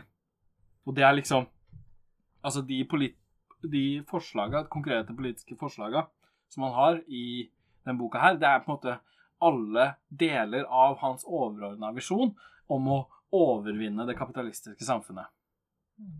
Men det kan kanskje framstå litt mer som sånn strategisk posisjonering. For, for det, er ikke, det er ikke så stor forskjell på dem. Altså den sånn Den virkelig De har bare sånn Sånn at vi har det på det rene òg, da. For den, Ja. den Altså em, Hadde man gjort det han sa i den første boka, så kunne det jo eh, fått liksom Altså hadde man gått videre med det med det der, så kunne jo det gjort ganske mye vei i vellinga, gitt at man hadde, hadde fått det til. Selv om man jukser litt med å forutsette at det var mulig å få det til, og så var det ikke mulig allikevel. Men, men eh, virkemidlene er jo ganske like, og effekten av dem sånn passelig ganske like. Så det er nesten sånn at det høres ut som at man posisjonerer seg i hvor er det debatten står nå, og hva man passer på for å Mm. eh, ikke bli eh, havne i dårlig selskap i første omgang, og nå som det er eh, kanskje mer fokus på ulikhet nettopp etter den eh, boka, så er det mer legitimt å være litt hardere i, i klypa også i språkbruken. Jeg, jeg, altså jeg er helt enig i det, og, men jeg mener det må i hvert fall Det er liksom en av de tinga som, som mange har lagt merke til, er at Ja. her, han er blitt mer radikal, og han sier det sjøl. Ja. I gamle dager var jeg liberalist, og det tror han nå- i gamle dager så mener han nok i den boka, Ja, i boken. mens nå er jeg blitt sosialist, og nå skjønner jeg Ja, at vi må akkurat, kvitte oss ja. med de greiene her. ja han sier det såpass tydelig, ja. ja. Det er en helt annen Og, og det er en, en annen altså Der han i bok én liksom prøver å si sånn Nei, slapp av, jeg prøver ikke å angripe kapitalismen. Så er bok, bok to det, Vi må transcendere kapitalismen. Så Ja. han eh, gestikulerer i helt andre typer retninger, da. Ja. Ehm, med alt det sagt, så tror jeg det er veldig god grunn til å, si, til å stille spørsmål ved hvor seriøst han Jeg skal ikke si hvor seriøst han mener det, for at du kan men, men, men hva han At innholdet i de to bøkene ikke nødvendigvis er så forskjellig politisk som, som det kan virke. Men der må man liksom penetrere litt eh, overflaten, da. Eh, ja.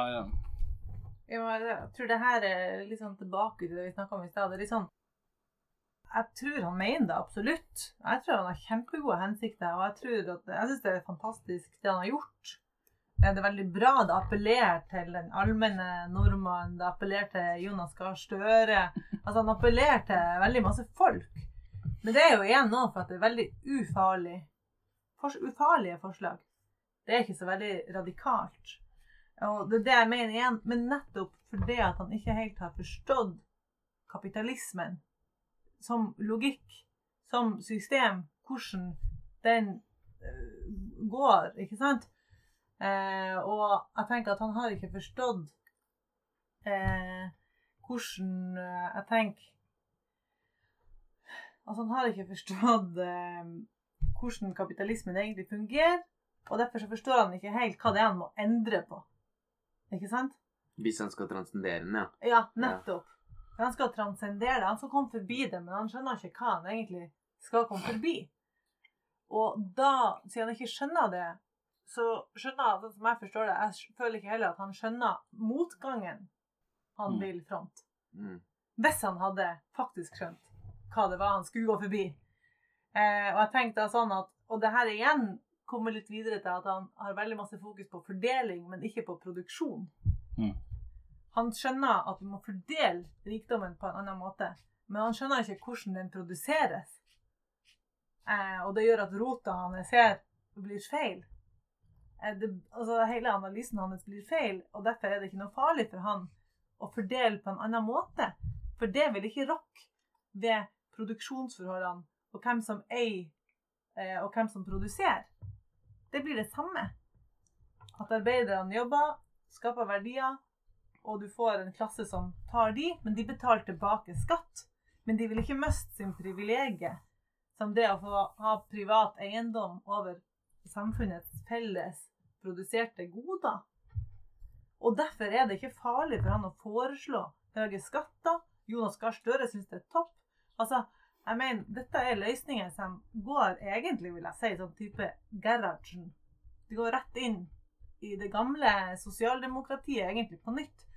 Han har jo sagt at før i tida hadde man kjempehøye skatter på arv, man kjempehøye skatter på formue. Dette er, så dette er jo old news, egentlig. Du gjør det bare på nytt.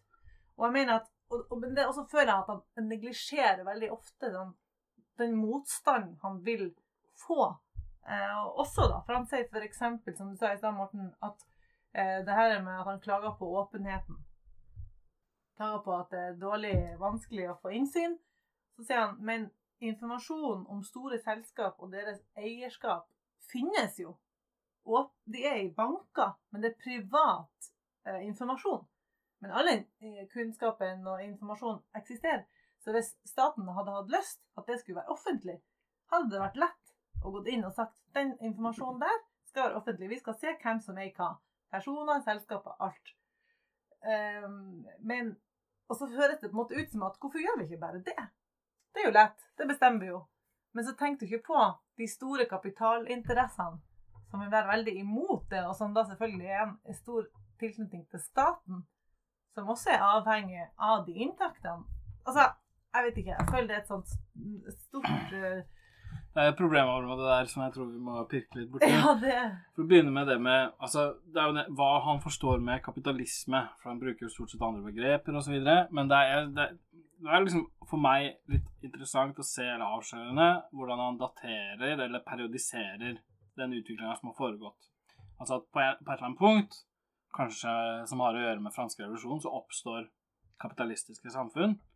Eller så oppstår de rundt den industrielle revolusjonen, ser han ut til å antyde. Altså 1870-tallet eller noe sånt noe. Ok, så oppstår kapitalismen, og den vedvarer til første verdenskrig. Og så blir den gradvis erstatta av sosialdemokratiet, skriver han. Og så blir sosialdemokratiet igjen erstatta av hyperkapitalismen. Sånn at kapitalismen har jo allerede, ifølge hans historiske skjema, blitt transcendert. Det har skjedd historisk. Og eh, Så det er sånn sett ikke så utrolig å se for seg at det kan skje igjen.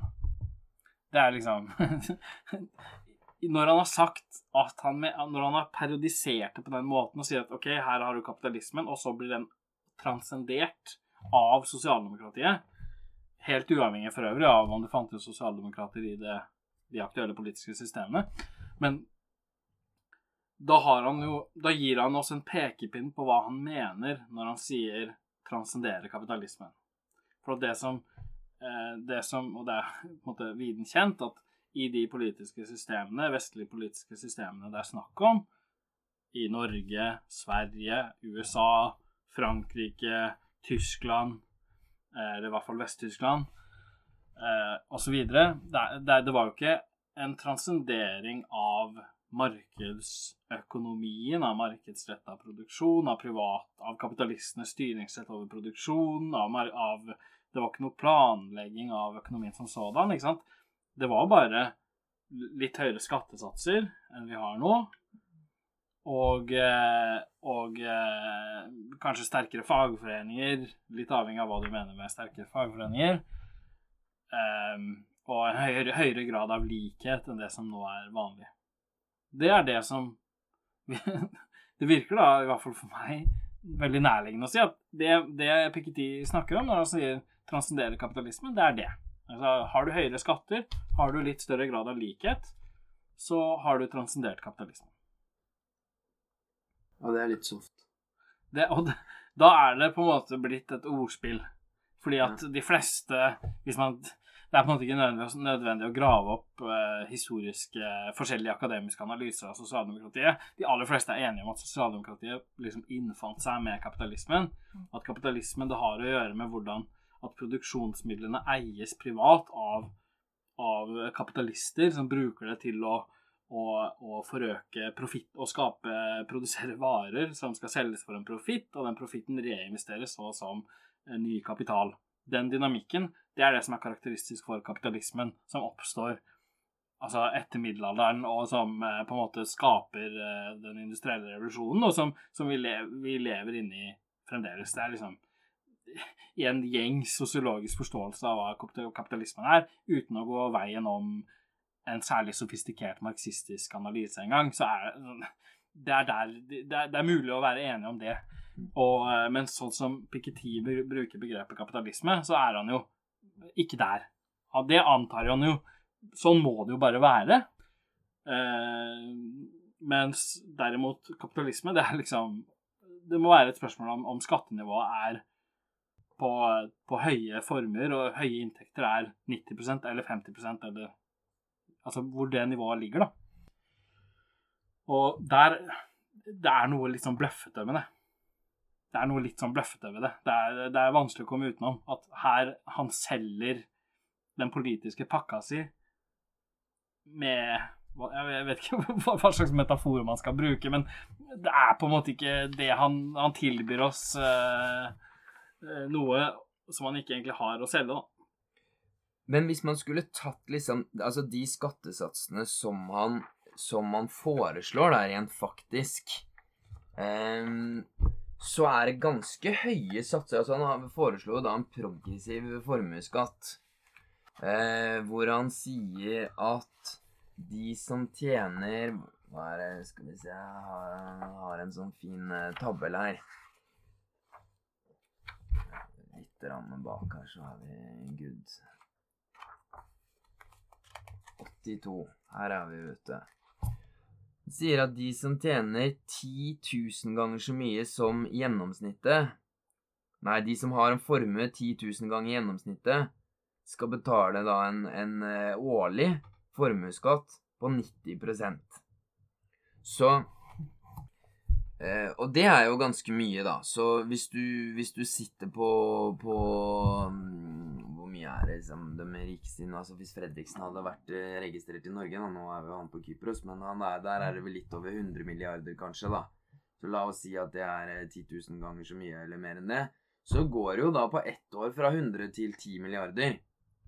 Så det, det er jo sånn Det er kraftig lut, egentlig, eh, for selv om man da ikke gjør noe med det eierskapet etterpå. At det, det, blir jo bare, det blir jo bare et stort nedsalg i de selskapene, men noen andre skal komme inn og eie det etterpå. For det er jo det han sier, at Piketty sitt store mantra er at um, vi må gjøre privateiendommen midlertidig. Så han sier ok, det, det det gjelder, er å transcendere privateiendommen i dens eksisterende form. Man, det er ikke sånn som i gamle dager, hvor sosialdemokratiet til og med, Gerhardsen mm. til og med, snakka om å transcendere privateiendommen. Punktum. Mm.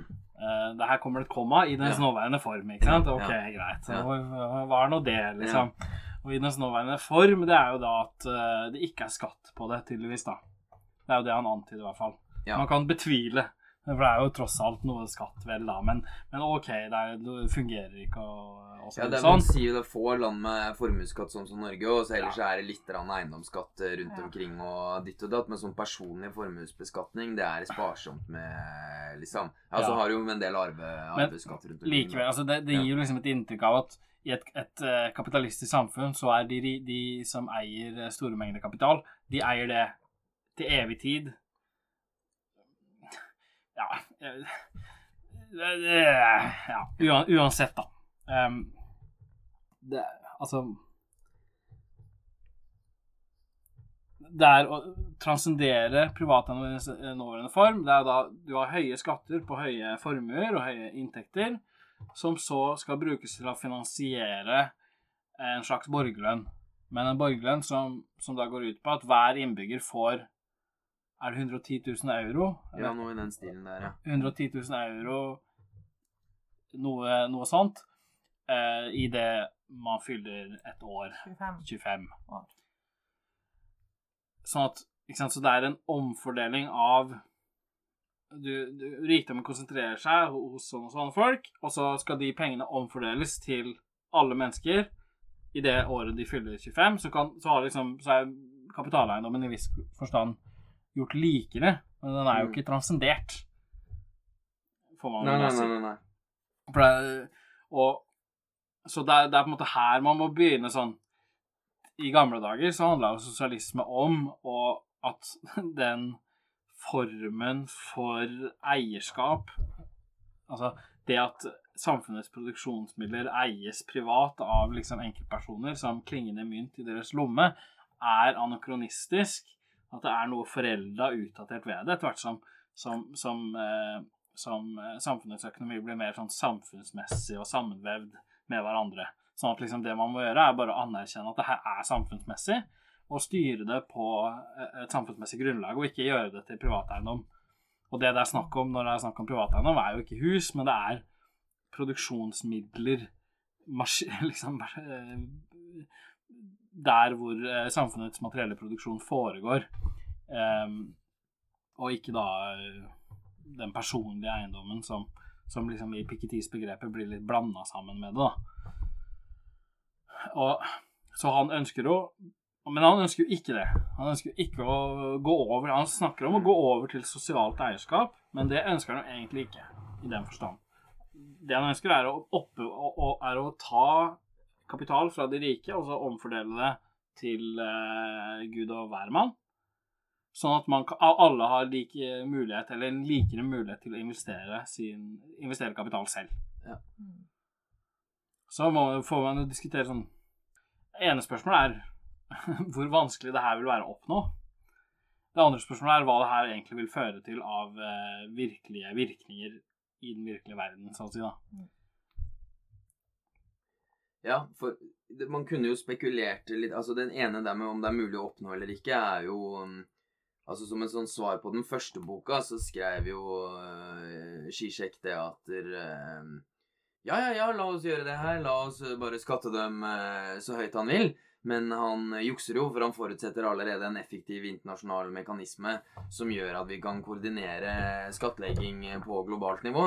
Og da har vi jo egentlig per definisjon allerede vunnet. Eller at hvis du på en måte hadde hatt et, hatt et overnasjonalt organ som kunne innføre skatter i tråd med arbeidernes interesser, så kunne jo det organet sikkert gjort eh, litt av hvert, eh, det. Så da er på en måte at det er litt juksete. Men, men hva det ville ført til altså Jeg ville tenkt at det ligner litt sånn som på innskuddspensjon i, i, i privat sektor, da. Når man har begynt med det, ikke sant, at du får at hver og en skal sitte og forvalte sin egen innskuddsperson. Ja. Så alle blir tvunget til å sette seg inn i ja, hva er det hvor får jeg billigst fond, og er det, er det lurt å ha penga der, og er det lurt å ha penga der, og ditt og datt, og så sitter man med, med de 100 000 som man har opparbeida seg i, i innskuddspensjon, og skal holde på den. Det er jo ikke noe det er jo i hvert fall ikke noe øh, sånn at man får noe sånn samfunnsmessig eller noe sosialt vesen ut av det her, da. Mm. Du får jo bare en gjeng med, med liksom sånn eh, småborgere eller småindividualister som skal sitte der og, og bli tvunget til å tenke på, på sparing og penger, og istedenfor Altså, de burde jo ha brukt tida si på noe annet enn det enn å sitte der som 30-åringer og bry seg om pensjon og hvordan de skal forvalte pensjonen sin, liksom. Og det samme de 25-åringene som får de 110 000 euro. Du vil jo Du hadde jo fått i større grad, ville i hvert fall jeg tenkt, at vil du få sosial mobilitet. At de som har anlegg for å forvalte penger, Mm. De har mulighet til å faktisk, med den starten her, så kan de komme ut av foreldrenes situasjon. Så hvis eh, begge foreldra var eh, dårlige til å forvalte penger, men så plutselig så får de 110 000 euro i hånda, og så har de litt anlegg, og så har de litt flaks, så har de mulighet til å komme opp fra sin klasseposisjon. Ikke sammen med de i, i vennene sine, men som enkeltindivider med, med litt flaks og litt kompetanse. Ja, tenk da, for du har litt flaks, ikke sant? For Ja, ja, ja, det Det vil jo det. Fordi at eh, mest sannsynlig så vil du forvalte pengene altså, tenk, det er jo en ting han her også på en måte Han vil jo dele ut penger for at folk skal nettopp få bruke de pengene til hva de vil. Investere, for eksempel. Og måtte, det høres ut som måte forutsetter at alle individer kommer til å bruke de pengene på en helt perfekt måte og gi de deres perfekte liv. Du tar på en måte ikke hensyn til eh, den ryggsekken hver og en har med seg. da. Hvilke forutsetninger har du for å forvalte to millioner, eller hva det blir? Hvilket grunnlag har du for å investere de pengene i fond, hvis du aldri har hørt om et fond? Altså, jeg tenker sånn, Har du foreldre som er gode på det, nice. Da får du avkastning som bare det, og så får du investere de igjen, og det beller på seg. Har du familie med gjeld, eller en eller annen grunn ikke kan forvalte penger, ikke har økonomisk sans, et eller annet, eh, så forsvinner jo bare de. Og da sitter du jo igjen egentlig med litt sånn Du hadde din sjanse, du klarte det ikke. Sånn som Oskar snakka om i begynnelsen. eh, Alle, eller Hayek ville sagt selvfølgelig er det helt tilfeldig hva som skjer med deg, for du lever på et marked. Men sånn er jo ikke verden. Vi tenker jo at det er din egen skyld hvis du ikke fikk det til. Og jeg tenker at det er litt sånn interessant, bare som en liten avstikker, for han har et lite avsnitt om meritokrati. Altså nemlig det samfunnet der som vi på en måte lever i i dag. Alle vi har muligheten til å studere. Eh, og hvis du da griper de mulighetene og får det til, og så har du på en måte fortjent din jobb. Du har gjort en god jobb, du fortjener den lønna du får. Har du ikke klart det, så fortjener du det ikke. Det er på en måte hva du fortjener. Og at han har veldig fornuftige, syns jeg, tanker om at hvordan eh, meritokratiet på en måte ikke har fungert, for at det er de som har ressurssterke familier, som i hovedsak får ressurssterke barn, som klarer å få gode arbeid, altså god eh, utdanning og godt arbeid. Og i motsatt tilfelle, de som ikke har eh, foreldre, altså de som ikke har utdanning, Ja. og motsatt, de får kanskje ikke de samme. Og at det da på en måte Til og med med lik utdanning så er det noen familier som nyttiggjør seg av utdanninga, og noen som ikke gjør det. Og Ja. det er de familiene som har ressurser. Ja, nettopp. Det, men det påpeker han jo, og at sosialdemokratiet, altså Arbeiderpartiet, har ofte blitt nå til for de med høyere utdanning, Mm. ikke for de arbeiderklassen som kanskje før i tida. Men da er det også interessant at hans løsninger nettopp går på at han vil gi Han bruker faktisk de ordene lik tilgang til. Altså han vil gi folk lik tilgang til Kapital. kapital, altså penger, ikke sant? Ja. Utdanning. Men jeg tenker jo at hvis du gjør det, så vil det jo kanskje igjen føre til nettopp de uønska konsekvensene som du får i det her meritokratiet. For det er jo rett og slett lik, like muligheter. Men problemet er at folk er ikke like. Vi har veldig forskjellige utgangspunkt. Så hvis du gir folk like muligheter, så vil du få et resultat som er ulikt etter hvilken Mm. bakgrunn du har. Og jeg mener at det tar han ikke hensyn for da, når han skal foreslå løsninger på et problem han allerede er veldig bevisst på. Absolutt. Altså det er jo lik Han viser jo for så vidt overbevisende hvordan lik tilgang til utdanning Ja. reproduserer store, enorme sosiale forskjeller. Ja. Men så tar han ikke konsekvensene, og når han foreslår sin egen lik tilgang til kapitalgreie, da Ja. Og du har du ser på fordelingen av familier, hvilke familier som har befatning med å håndtere finansielle midler, så er det liksom de øvre 10 prosentene, og kanskje det øvre prosenten, som, som har den type erfaring, og, og som selvfølgelig vil gjøre det best i det rotteracet. En annen ting er jo at alle de pengene som du antyda, også, Morten, liksom, kommer jo til å bli sugd opp av kapitalforvaltningsorganer. Mm. Sånn at en, en sum på 110 000 pund er jo ikke i seg selv løsrevet. Så er jo ikke det en spesielt interessant sum hvis den skal investeres som kapital. Mm. Eh, Du kan ikke bygge en fabrikk med 110 000 pund. Du kan ikke gjøre egentlig noen ting i et kapitalistisk samfunn med 110 000 pund. Så de pengene må fusjoneres sammen med andre pengesummer. mm. eh, for, å drive, for å drive økonomisk virksomhet i et så avansert kapitalistisk verdensøkonomi som vi lever i. For at det, ting skjer i enorme skalaer, rett og slett. Sånn at pengesummen for å drive en fabrikk er Det er, det er Altså, det er eh, mange, mange ganger så, så høyt. Sånn, sånn, at, sånn at her må disse pengene må, må fusjoneres. Og, og det, den oppgaven kommer jo selvfølgelig finansbedrifter til å få og ta.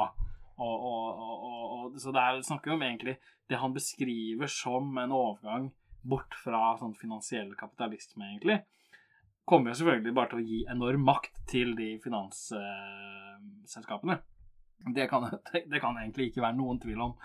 Eh, og, og da Altså, så, sånn at kommer ikke, det kommer ikke til å oppnå det han I hvert fall den reformen i seg sjøl. Det er jo ikke noe sånn eh, det er ikke noe oppgjør med sånn kortsiktig finansiell tenkning eller noe av det han ser for seg. Tvert imot. altså Det er jo en gavepakke egentlig til den sektoren som en sektor. Selv om noen av de største finansfolka vil lide under de eh, skattene han foreslår, så liksom den sektoren vil, vil få en eh, få veldig gunstige eh, betingelser å arbeide under. da. Ja, så Noen personlige formuer blir mindre, gitt at han klarer å gjøre det effektivt, som jo er et spørsmål om det faktisk lar seg gjøre eh, i det hele tatt. Men, men eh, så tankemåten til folk vil jo bare bli enda mer Enda mer. Enda mer eh, kjøpe det systemet som er der fra før. Da, at man blir på en måte tvunget til å, å forholde seg til investeringer og, og kurtasje og, og avkastning og ditt og datt. Men det er jo på ingen måte noen eh, transcendens eh, det er snakk om her. Mm. Vi er jo inne i den samme suppa som vi er nå. Det handler om å utjevne Ja. kapitalismen. Liksom. Det er å fordele kapitalen på flere mennesker han er ute etter. Det er ikke å transcendere eh, kapitalen som sådan. Altså det, det, det kunne man ønske at han var ærlig på, da. Og det er jo kanskje litt mer sånn eh, Du blir til de større grad ansvarliggjort for de feilene du gjør i livet, for du har tross alt fått så masse penger. Og Selvfølgelig. Ja. De fleste av oss kommer jo til å søle bort de 110 000 Ja. på uh, hasj og alkohol og, Eh, og andre sånne ting. Og da kommer jo vi til å få det enda desto verre når de finansfamiliene har absorbert all hverandres kapital og eh, lever enda fetere enn før. Ikke det at vi ikke hadde tatt penga hvis vi hadde fått dem på konto, for det hadde vi, men, eh, men eh, det er vi enige i, altså. At det her høres ikke mm, Det her høres ikke ut som noe transcendens, det her. Men er det en idé å prøve å sammenfatte litt sånn kort liksom pakken hans?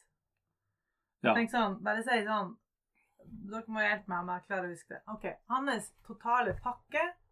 Forslag for transcendering. Ok, Skyhøye skatter. Progressive skatter etter eh, både sånn eiendomsskatt og formuesskatt og sikkert arveskatt. Ja. Han, eh, det er én ting. Og så vil han eh, gi da en sånn slags borgerlønn til alle sammen når du fyller 25 år. Sånn type 2 millioner kroner, kanskje noe der. Sånn cirka. 1,2, kanskje? Ja. Og så eh, vil han ha mer bedriftsdemokrati. Altså han vil ha sånn eh, type som vi har i Norge med trepartssamarbeidet, at eh, arbeiderne bidrar Sitter i styret i Sitter- bedriftene. Ansatterepresentasjon i i bedriftene. i bedriftene. De skal få være med å bestemme. Um, og han vil gjøre kunnskap om eierskap åpent, sånn at det er mulig å, å da beskatte på en bedre måte. Og democratic vouchers. Ja. Det er det mest komiske, må jeg si, da. Det at alle får eh, kanskje sånn 50 eller 100 kroner eller mer som de kan gi til sitt Til sin sak. Så, ikke sant, for å Som, som en sånn motvekt til eh, donorene. Store donorer som kan eh, gi masse penger til ett parti eller eh, fremme sin sak. Så får alle en sum som de kan gi til den, da. Altså, ja. Ja, for å løse valgkampfinansieringsproblemet. Ja, Men Det, virker, det, virker som, ja, det, det, det, som virker som er viktigst for han, er liksom ja, så det, det å gjøre eh, privateiendommen midlertidig, det er de høye skattene og den bevilgninga når man er 25. Og så er det også en slags overgang til, Noen ganger kaller han det overgang til samfunnsmessig eiendom. Og der, så vidt jeg kan se, vektlegger han veldig sterkt ansatterepresentasjon. Og så vil jeg si de andre reformene er litt mer som krydder, Mm. som kretser rundt de to, da. Ja.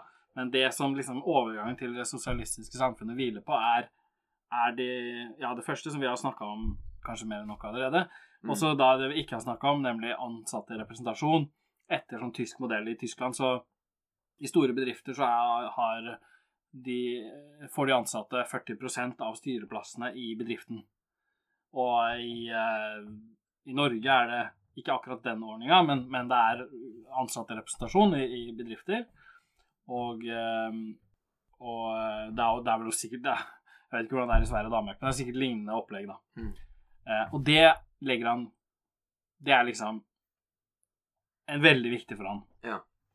Um, eh, og og han, han sier også at vi kan uten, reservas, uten reservasjon gå inn for dette. Fordi historien viser at det har vært en viktig ingrediens for Tyskland og Skandinavia når det gjelder å forsvare deres eh, relative grad av likhet. Og eh, forsvare liksom det de tross alt oppnådde, da. Og oppnå det de oppnådde. Og her er det mye å si, vil jeg si. Men Bare si noe, du. altså, det er jo bare å hive seg uti det. Men i eh, Det er ikke så eh, lekkert som det kanskje høres ut, eh, er vel poenget, da. Hvis man ser i i Tyskland det siste Det er veldig vanskelig å, å si at ikke den utviklinga, den tyske økonomiske og liksom sosialpolitiske utviklinga de siste eh, hva blir det, 30 åra, har noe å gjøre med ansatterepresentasjonsordninga i negativ forstand. Ikke sant? At, at eh, den um, den lønnsstagnasjonen som du ser i Tyskland, henger sammen med det faktum at tyske fagforeninger faen ikke streiker lenger. Som også som i sin tur henger sammen med at de er ansvar, så ansvarliggjort eh, som liksom aktører i, i de bedriftene de opererer i og under, gjennom ansatterepresentasjonsordninga. Eh, at de liksom de, er så ansvarliggjort som aktører som liksom i første omgang tar vare på profitten til sine bedrifter, og, og dermed ikke identifiserer seg med ikke, dermed ikke identifiserer noen klassemotsetning mellom arbeid og kapital, men ser liksom det å garantere bedriftens profitter på, eh, på markedet som liksom den første oppgaven som det gjelder å sørge for. Og dermed er det veldig vanskelig å streike, for da undergraver du jo bare deg sjøl. Liksom, det, det, her er det en tre, trekant av ting som, som understøtter hverandre, og ansatterepresentasjonsordninga er spiller inn her på en negativ måte. Det virker for meg veldig, veldig tydelig.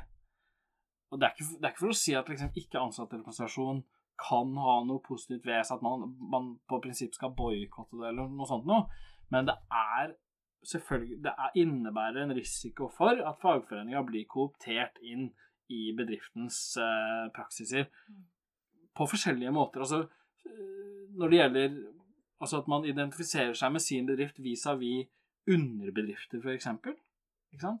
Det vil selvfølgelig undergrave enhver mulighet for å etablere aksjonsenhet mellom alle arbeiderne i, i bedriften. Eh, Og, og blant arbeiderne som den bedriften eier også, i bedrifter som den bedriften i sin tur eier. Plutselig har liksom, det- skaper en hel masse problemer. Og du mister kanskje òg målet om å gjøre produksjonsmidler om til noe samfunnsmessig, som kanskje først var målet, der arbeiderne kunne eie produksjonsmidlene sjøl. Eh, men istedenfor at det blir målet, blir målet da å få profitt til den eieren som du har der og da. Og det blir jo litt sånn trickle down-teori. For hvis du får god profitt til eieren, så kommer det til å hva heter det, dryppe ned på klokkeren eller eh, Ikke sant? Ja, ja, ja.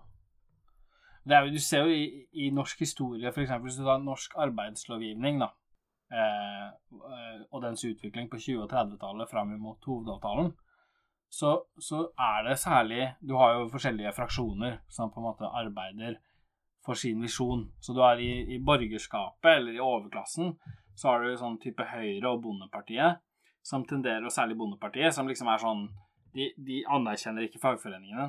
De anerkjenner ikke arbeidernes rett til å organisere seg i fagforeninger, arbeidernes rett til å streike eller noen ting. Ikke sant? De type eliminere selvstendige arbeiderorganisasjoner. Det er den ene linja.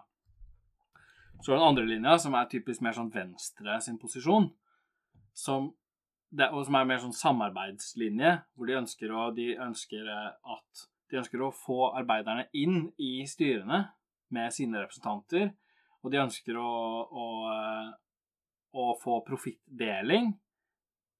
At bedriftens, en andel av profit, bedriftens profitt går til arbeiderne i form av bonuser og sånne ting.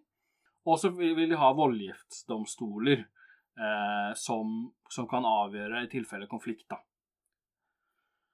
Det er liksom deres opplegg. Og, og, i Arbeiderpartiet så er det selvfølgelig også en liksom, type samarbeidslinje og en mer sånn konfliktlinje. Eh, men, men, men, Og det som blir resultatet, hovedavtalen, er jo at Venstre får gjennomslag for det. At fagforeningene plikter å bidra konstruktivt i bedriftene sine med å, med å eh, få de til å gå rundt og med å gå profitabelt. ikke sant? Og det er selvfølgelig det er, det er selvfølgelig fordi at Altså, for at de ønsker å de, de, anerkjenner ikke at det er noen klassemotsetning mellom arbeid og kapital. De mener at her må man liksom finne en måte å jobbe sammen og, og få denne sjappa til å gå rundt. Og, kommer, kommer, og, det kommer også arbeiderne til å skjønne når de blir satt i, en, i sånne posisjoner. Så det er en grunn til at Venstre, som ikke var noe radikalsosialistisk parti, som ikke på ingen måte ønska å transcendere kapitalismen, forfekta sånne ordninger. Mm. Eh, når, og, og for så vidt også at, at sånne ordninger kunne få gjennomslag i, i, i, det arbeidssystemet som vi tross alt fikk. Med støtte fra representanter for de store bedriftene i Norge og altså de, de forskjellige arbeidsgruppene som, i det som leder opp til hovedavtalen. Det inkluderer eh, kapital, eh, kapitalens egne representanter også, da. Sånn at, og, og, og, det som blir tonen i, i, blant arbeidsgiverne, er jo nettopp det at nå det er liksom den type sånn samarbeidsordninger er det beste, beste loddet vi har, da. Så, sånn, sånn, og, og, det er ikke det at man ikke kan tenke seg at ansatterepresentasjon kan ha positive virkninger. Det kan det nok, men, men, men, men Piketty liksom ser så fullstendig bort fra det.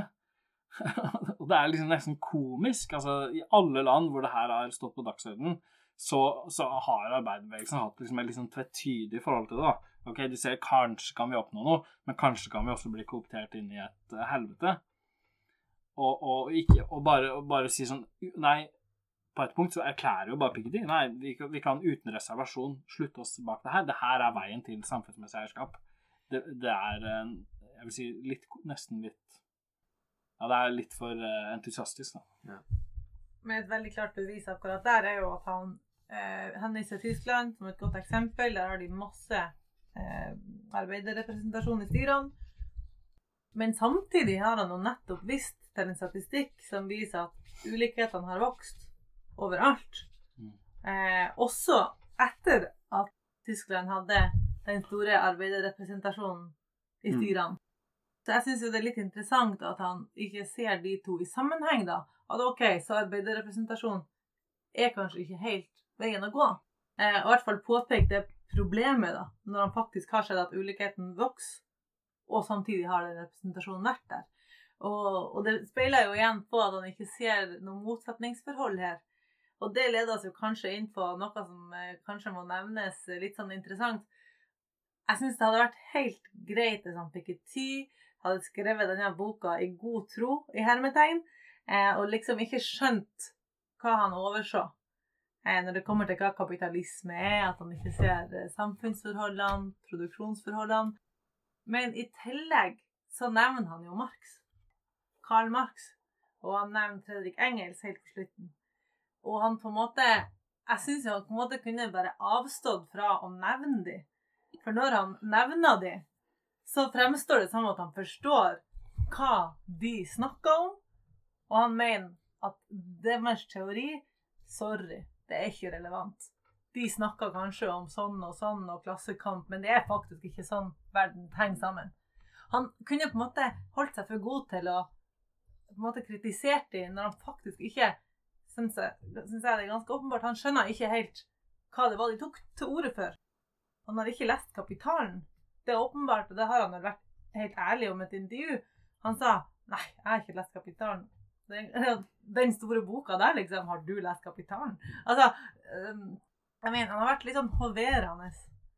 Eh, og det mener jeg jo Det kunne han på en måte holdt seg for god til, da. Når han faktisk ikke helt har peiling på hva som egentlig står der. Og at hadde han lest den, kunne det her verket hans eh, fått en forhøya status og blitt masse måte, Hva heter det? Hadde en indre logikk. Så det var masse bedre og ikke hatt alle de her svarte hullene. Uh, ja. Men det er vanskelig å se hvordan han hvordan han skal kommet levende ut av en sånn lesing, på en måte. Altså Hele framstillingen hans er jo gjennomsyra av den tanken som han oppsummerer avslutningsvis ved å distansere seg fra Marx og engelsk. ikke sant? At nei, historie er ikke en historie om klassekamper. Den er en historie om samfunn som prøver å finne, finne fram til rettferdigheten, som eksperimenterer på ulike måter å gjøre det på. Og det, det er det perspektivet som gjennomsyrer alt han skriver òg. Uh, og, og, liksom Det er nettopp ikke klassekamp som står i sentrum. Det er ikke Altså, han, han, han skjønner jo selvfølgelig at det vil være de rike vil opponere mot at de blir ekspropriert, men men er er skattlagt i, i, veldig stor grad. Men det er liksom ikke det han Det er ikke der han er. er og, og, han kan på en måte ikke ta det inn heller, for det ville jo smadra hele boka, sånn som jeg ser det, da, fra A til Å. Fra A til Å så handler det aldri om klassekamp, det handler om, om rettferdighet. Mm. Og Marx liksom, er en ting han ikke brydde seg om, så var det rettferdighet. på en måte. Er, rettferdigheten er alltid det, det som eh, svarer til eh, samfunnets etablerte logikk. Og, eh, og er, er, det noe som kan være, er det noe som er minst interessant når det gjelder å knuse kapitalen, så er det å snakke om bable om rettferdighet, liksom. Men hvis man skulle konstruert den på en så positiv måte som mulig, da, hvis man hadde sammenligna det liksom med en, med en gjennomsnittlig sosialdemokrat som kanskje følte forsvar for å for å forsvare ting som det var nå, eller som sier at ja, nei, vi har jo litt problemer med den ulikheten, men vi, vi skal gjøre ting som altså Men vi, vi, vi, får ikke tatt noe kraftig tak i det, for det er så vanskelig med internasjonal skattekonkurranse osv. Så, videre, og så, videre. så hvis man hadde på en måte lagt godvilja til å sagt hva er som er prestasjonen hans, sett begge bøkene under ett, så ville man, hvis man henta ut det beste av begge, så ville man jo sett det at det, Ok, ja, det er, det er en tendens til at uh, ulikheten øker. Og i sånn som eh, når man har eh, en verdensøkonomi med, med, med eksport, og, og man, bedrifter kan være eh, Ha på en måte plassere hovedkontoret sitt i forskjellige land, og man kan flytte osv., så, så, videre, så er det også et problem med skattekonkurranse. Og skal du få gjort noe grundig med det greiene her, så må du ha internasjonalt samarbeid. Du kan ikke ha på en måte noen sånne utsider der de kan gå til. Eller i hvert fall så må de store, viktige landene, sånn som USA, må helt, helt klart være med på det hvis du skal få gjort noe seriøst med det. Så altså, hvis, hvis han ikke hadde kalt seg sosialist, eller ikke hadde sagt at han skulle transcendere sosialismen, men hvis det var på en måte alternativet, da det ene alternativet var på en måte de som virkelig skulle eh, transcendere kapitalismen, mener jeg eh, det var de som skulle det, som da var marxister. Og så var det de andre sosialdemokratene som skulle bruke alle mulige tilgjengelige verktøy for å i hvert fall sørge for at uh, ulikheten ikke gikk opp. Da er ikke sikkert at arbeiderrepresentasjonen hadde vært uh, det som uh, var det viktigste, men, men skattemessig.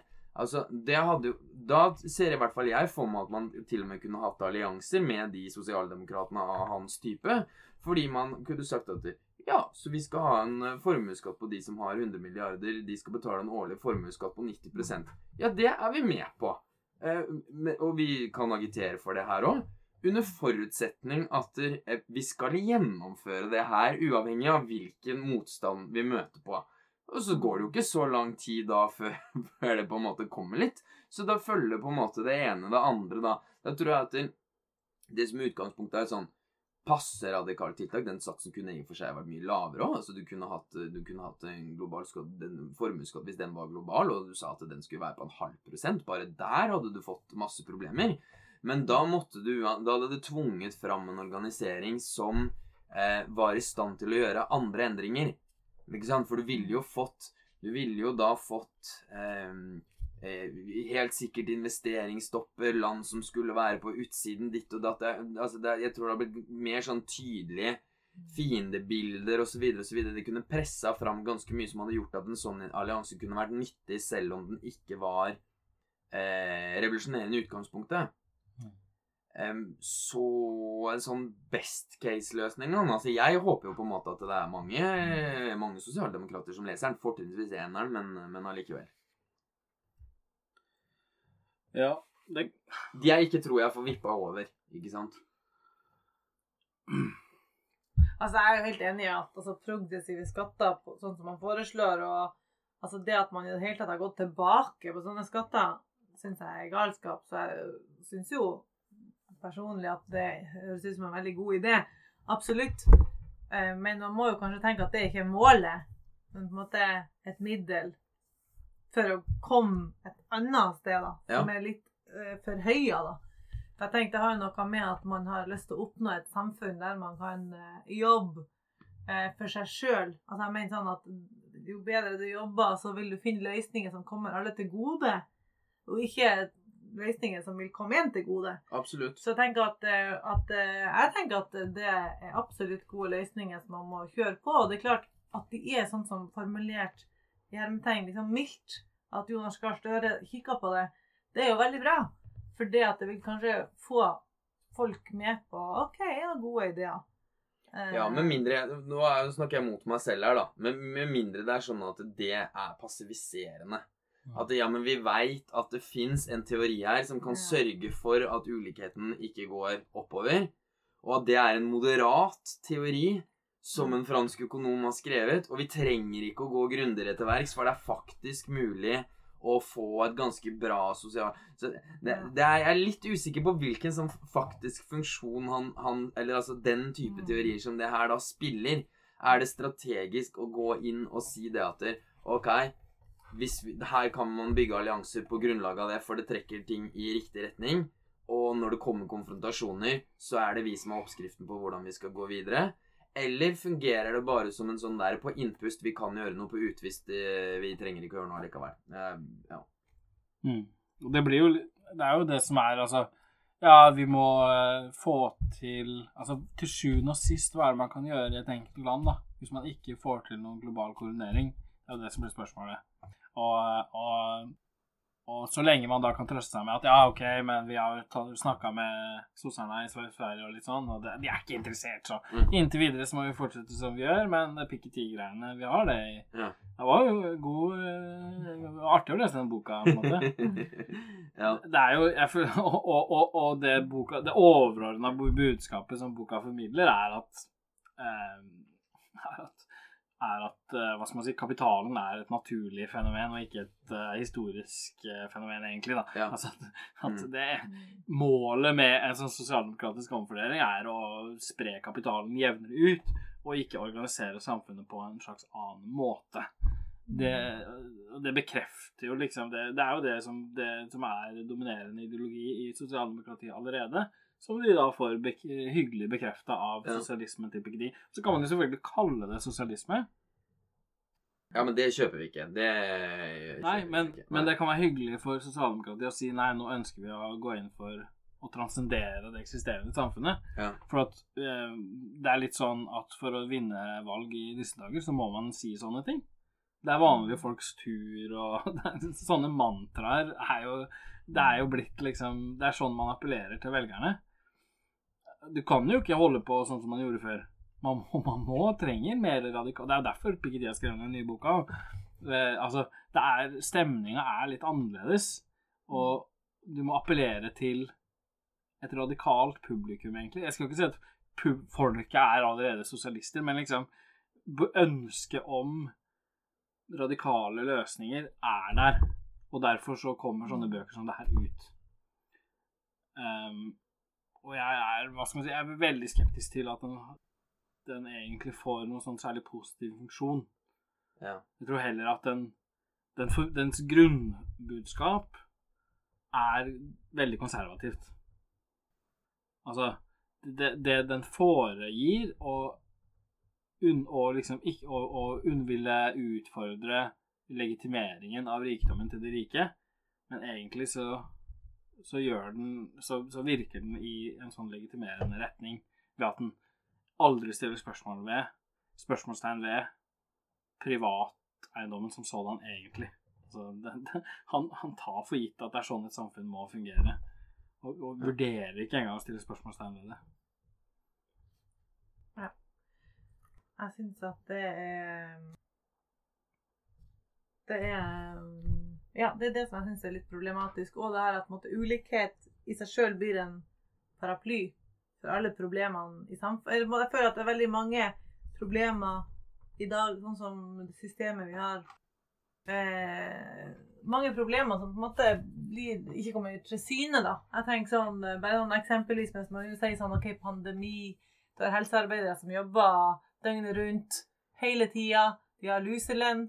Eh, og så har du eh, noen som kanskje ikke har så farlige, risikofylte jobber, som får kjempestor. Altså, jeg tenker sånn, det hadde vært det veldig mange problemer hvis du går inn og ser på måten vi jobber på. da, At du har ikke råd til å bruke penger på sykepleiere der, for du skal ha altså, profitt sånn og sånn. Og jeg tenker sånn Det er veldig masse altså, Så sier du at alt er ulikhet. At jeg syns personlig at det liksom Det føles ut som at du du utforsker veldig lite hva som egentlig skjer her. De forskjellige urettferdighetene, hvis man kan si det på den måten, som på en måte gjenspeiler seg i det samfunnet vårt. Folk som jobber og jobber med de jobbene. Masse risiko, farlig her og der, og som på en måte aldri vil få noe anerkjennelse utover applaus, f.eks. Og så bare kaller du det ulikhet. Jeg vet ikke. Jeg syns det har vært veldig interessant å gå mer inn på kanskje sånn paradokset, da. I hvordan vi har organisert arbeidet på. Men det blir kanskje en annen gang, eller? For nå går vi vel snart inn for landing her? Ja, ja, ja. ja. Hæ? Det var bare en tanke. Ja. Men uh, Ja, det er bra, det. Mm. Men skal vi gi oss der? Eller har vi noe siste Det var min siste. Det får, det får vel være greit, vel? Ja, ja da gir vi oss der. Ja.